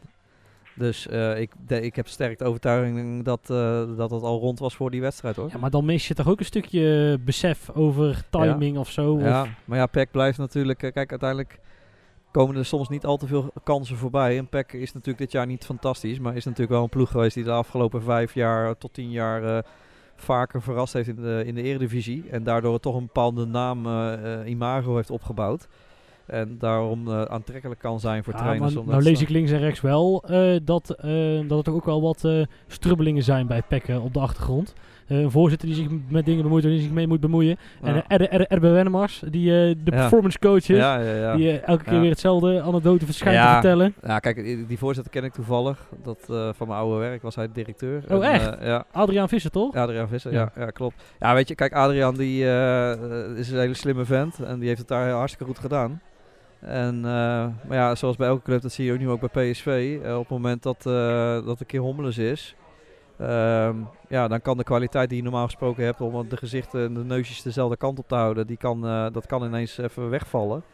En dan kan het in een vrij korte periode, kunnen er een aantal mensen dingen gaan roepen of dingen gaan doen die ze daarvoor nooit gedaan hebben, omdat ze in bedwang werden gehouden, om maar zo te zeggen. Ja, Ja. club in crisis is PEC ook wel een klein beetje. Crisis is misschien te groot woord, maar iedereen daar die heeft natuurlijk een eh, zwaar tegenvallend jaar. En dan eh, gebeuren daar nog wel eens dingetjes dat mensen wat over elkaar gaan roepen achter elkaar zijn rug. Ja, dat hoort er een beetje bij, denk ik. Nou, en Adriaan twittert ook iets te veel. Vooral over de, de, de, de, de, hoe heet het, de eh, evaluatie van de trainer. Ja, ja, dat is ook niet handig. Dat zou hij ook beter moeten weten. Maar Ach. goed, dat, Ehm, dan, eh, nou ja, PEC uh, weten we, eh, Ajax weet ook wat voor wedstrijd dat wordt. Eh Sparta thuis ben ik eigenlijk ook wel heel erg benieuwd naar. Eh, vooral omdat ehm, eh, iedereen eh, heeft altijd zo'n hoge pet op van Henk Vrezen. ja. Maar dat is echt mijn, mij echt een compleet raadsel. Nou ja, ik denk dat Henk eh, eh, bij uitstek een, een prestatietrainer is. Hè? Eh, wat wij nu niet hebben, in de zin van Fred Grim natuurlijk. Eh, da- daar staat op dit moment vooral toch wel eh, de filosofie boven de, de, de, de punten. Is denk ik Henk Vrezen meer het andersom. Die, dat is echt een trainer die gaat spelen naar de mogelijkheden van de selectie. En, eh, en, en echt op resultaat, veel meer op resultaat. En dat heeft hij bij meerdere clubs gewoon heel goed gedaan. Zo eerlijk moeten we ook wezen. Dat, bij Vitesse heeft hij over het algemeen ook eh, behoorlijk goed gepresteerd. Dus ja, die, ja en, en, en zo geweldig zijn de spelers die hij nu heeft ook niet. Ze hebben wel een aantal spelers gehad in de, voor de winststop natuurlijk die wel het verschil maakten. Dat was wat wij er natuurlijk niet hadden. Maar toch denk ik dat hij tot nu toe eh, best wel knap doet dit jaar. Ja, alleen eh, ik vind wel dat... ehm, ik ben niet zo fan van, Frank, eh, of, van Henk Vrezen. En het, ik vind het in de media een hele uitgesproken persoonlijkheid. Dat doet hij heel goed. Alleen ik zie, hij heeft gewoon tactisch nog nooit bij een club gezeten waarvan ik denk, dit, wordt, dit is echt een toptrainer. Want dan moet hij naar Feyenoord, hè, roept iedereen. Ja. Dat, dat vind ik echt zo'n compleet raadsel. Hij is vorig jaar eh, met 20 punten achterstand geëindigd op Twente. Nou, wat die deed, het leek niet eens op voetbal. Met een selectie die de allerbeste was van de competitie. Dat, dan, Ja. dan gaat daar toch iets mis, ja, mij. eh, Ja, dat blijft altijd lastig natuurlijk. Maar als je gaat kijken qua puur trainer zijn, eh, hoe hij het team laat voetballen, eh, past dat wel bij een club als Feyenoord. En hij, kan, hij kent natuurlijk Feyenoord als geen ander vanuit zijn spelersverleden. Eh, hij heeft daar eh, hele succesvolle jaren met eh John de Wolf onder andere gehad. Dus hij kent eh, de supporters als geen ander. Hij kent het legioen dus. Hij kent de club. Hij kent de speelwijze. Hij kent eh, de, de, de, de, de, mentaliteit van de Rotterdammer bij uitstek. En zo laat hij denk ik ook zijn ploegen vaak spelen. Wat ik al eerder zei, vooral toch op resultaten, werkvoetbal. eh. ja, dus ik zie op zich de match Feyenoord uh, vrezen zie ik wel. Oké. Maar goed, ehm, dan eh, heb ik zojuist de rubriek verzonnen. We gaan de uitslag voorspellen van de komende wedstrijden. Oh jee. Ehm, eh, wil jij eerst of zal ik eerst? Of het op de beurt doen? Ja, whatever. RKC PEC 3-1. 3-1. Ik zeg eh 1-0. Eh, Ajax RKC. 3-0. Jij zegt eh, 3-0. Ik ga voor een, een gestolen gelijkspel. En RKC Sparta 1-1. 1-1. Dat is wel ver weg nog, hè? Eh, dan denk ik dat we er eh, overheen gaan lopen. Op RKC stel, dus dat wel meevallen als dan maar 2, eh, 2-0. Dan gaan we het hierbij, hierbij laten. Ja. Denk ik, wij zijn begin maart zijn wij weer terug met de volgende aflevering. Dan kijken wij naar deze wedstrijden. ja, dan gaan we kijken in hoeverre we het goed voorspeld hebben. Dan gaan wij tussen het carnavallen door gaan wij nog een aflevering opnemen. En volgens mij ook nog skiën. Tijdens de Eh, carnavals heb je de mooiste aflevering. Oh natuurlijk. ja, dat klopt. Daar wordt dode tong van. In ieder geval, eh, wij willen eh, Café Landzicht nogmaals bedanken dat wij hier mogen zitten opnemen uit de Sprankapelle. Wij wensen iedereen een ontzettend leuke maand toe. Bedankt voor het luisteren. Ja, en, en tot ziens. En we hopen jullie ook bij de volgende podcast als luisteraar te mogen verwelkomen. En nogmaals, als jullie eh, items hebben Ja. die jullie graag willen zien terugkomen in eh, de maandelijkse podcast, schroom niet. Laat het ons weten via de bekende kanalen Twitter en RKC Nu. Forum, mag allemaal, als je maar zorgt dat het zichtbaar voor ons is. Ja. En eh, dan zullen wij dat zeker in overweging nemen om, om mee te nemen. En wellicht horen jullie terugkomen in een van de volgende podcasts. Hallo! Houdoe!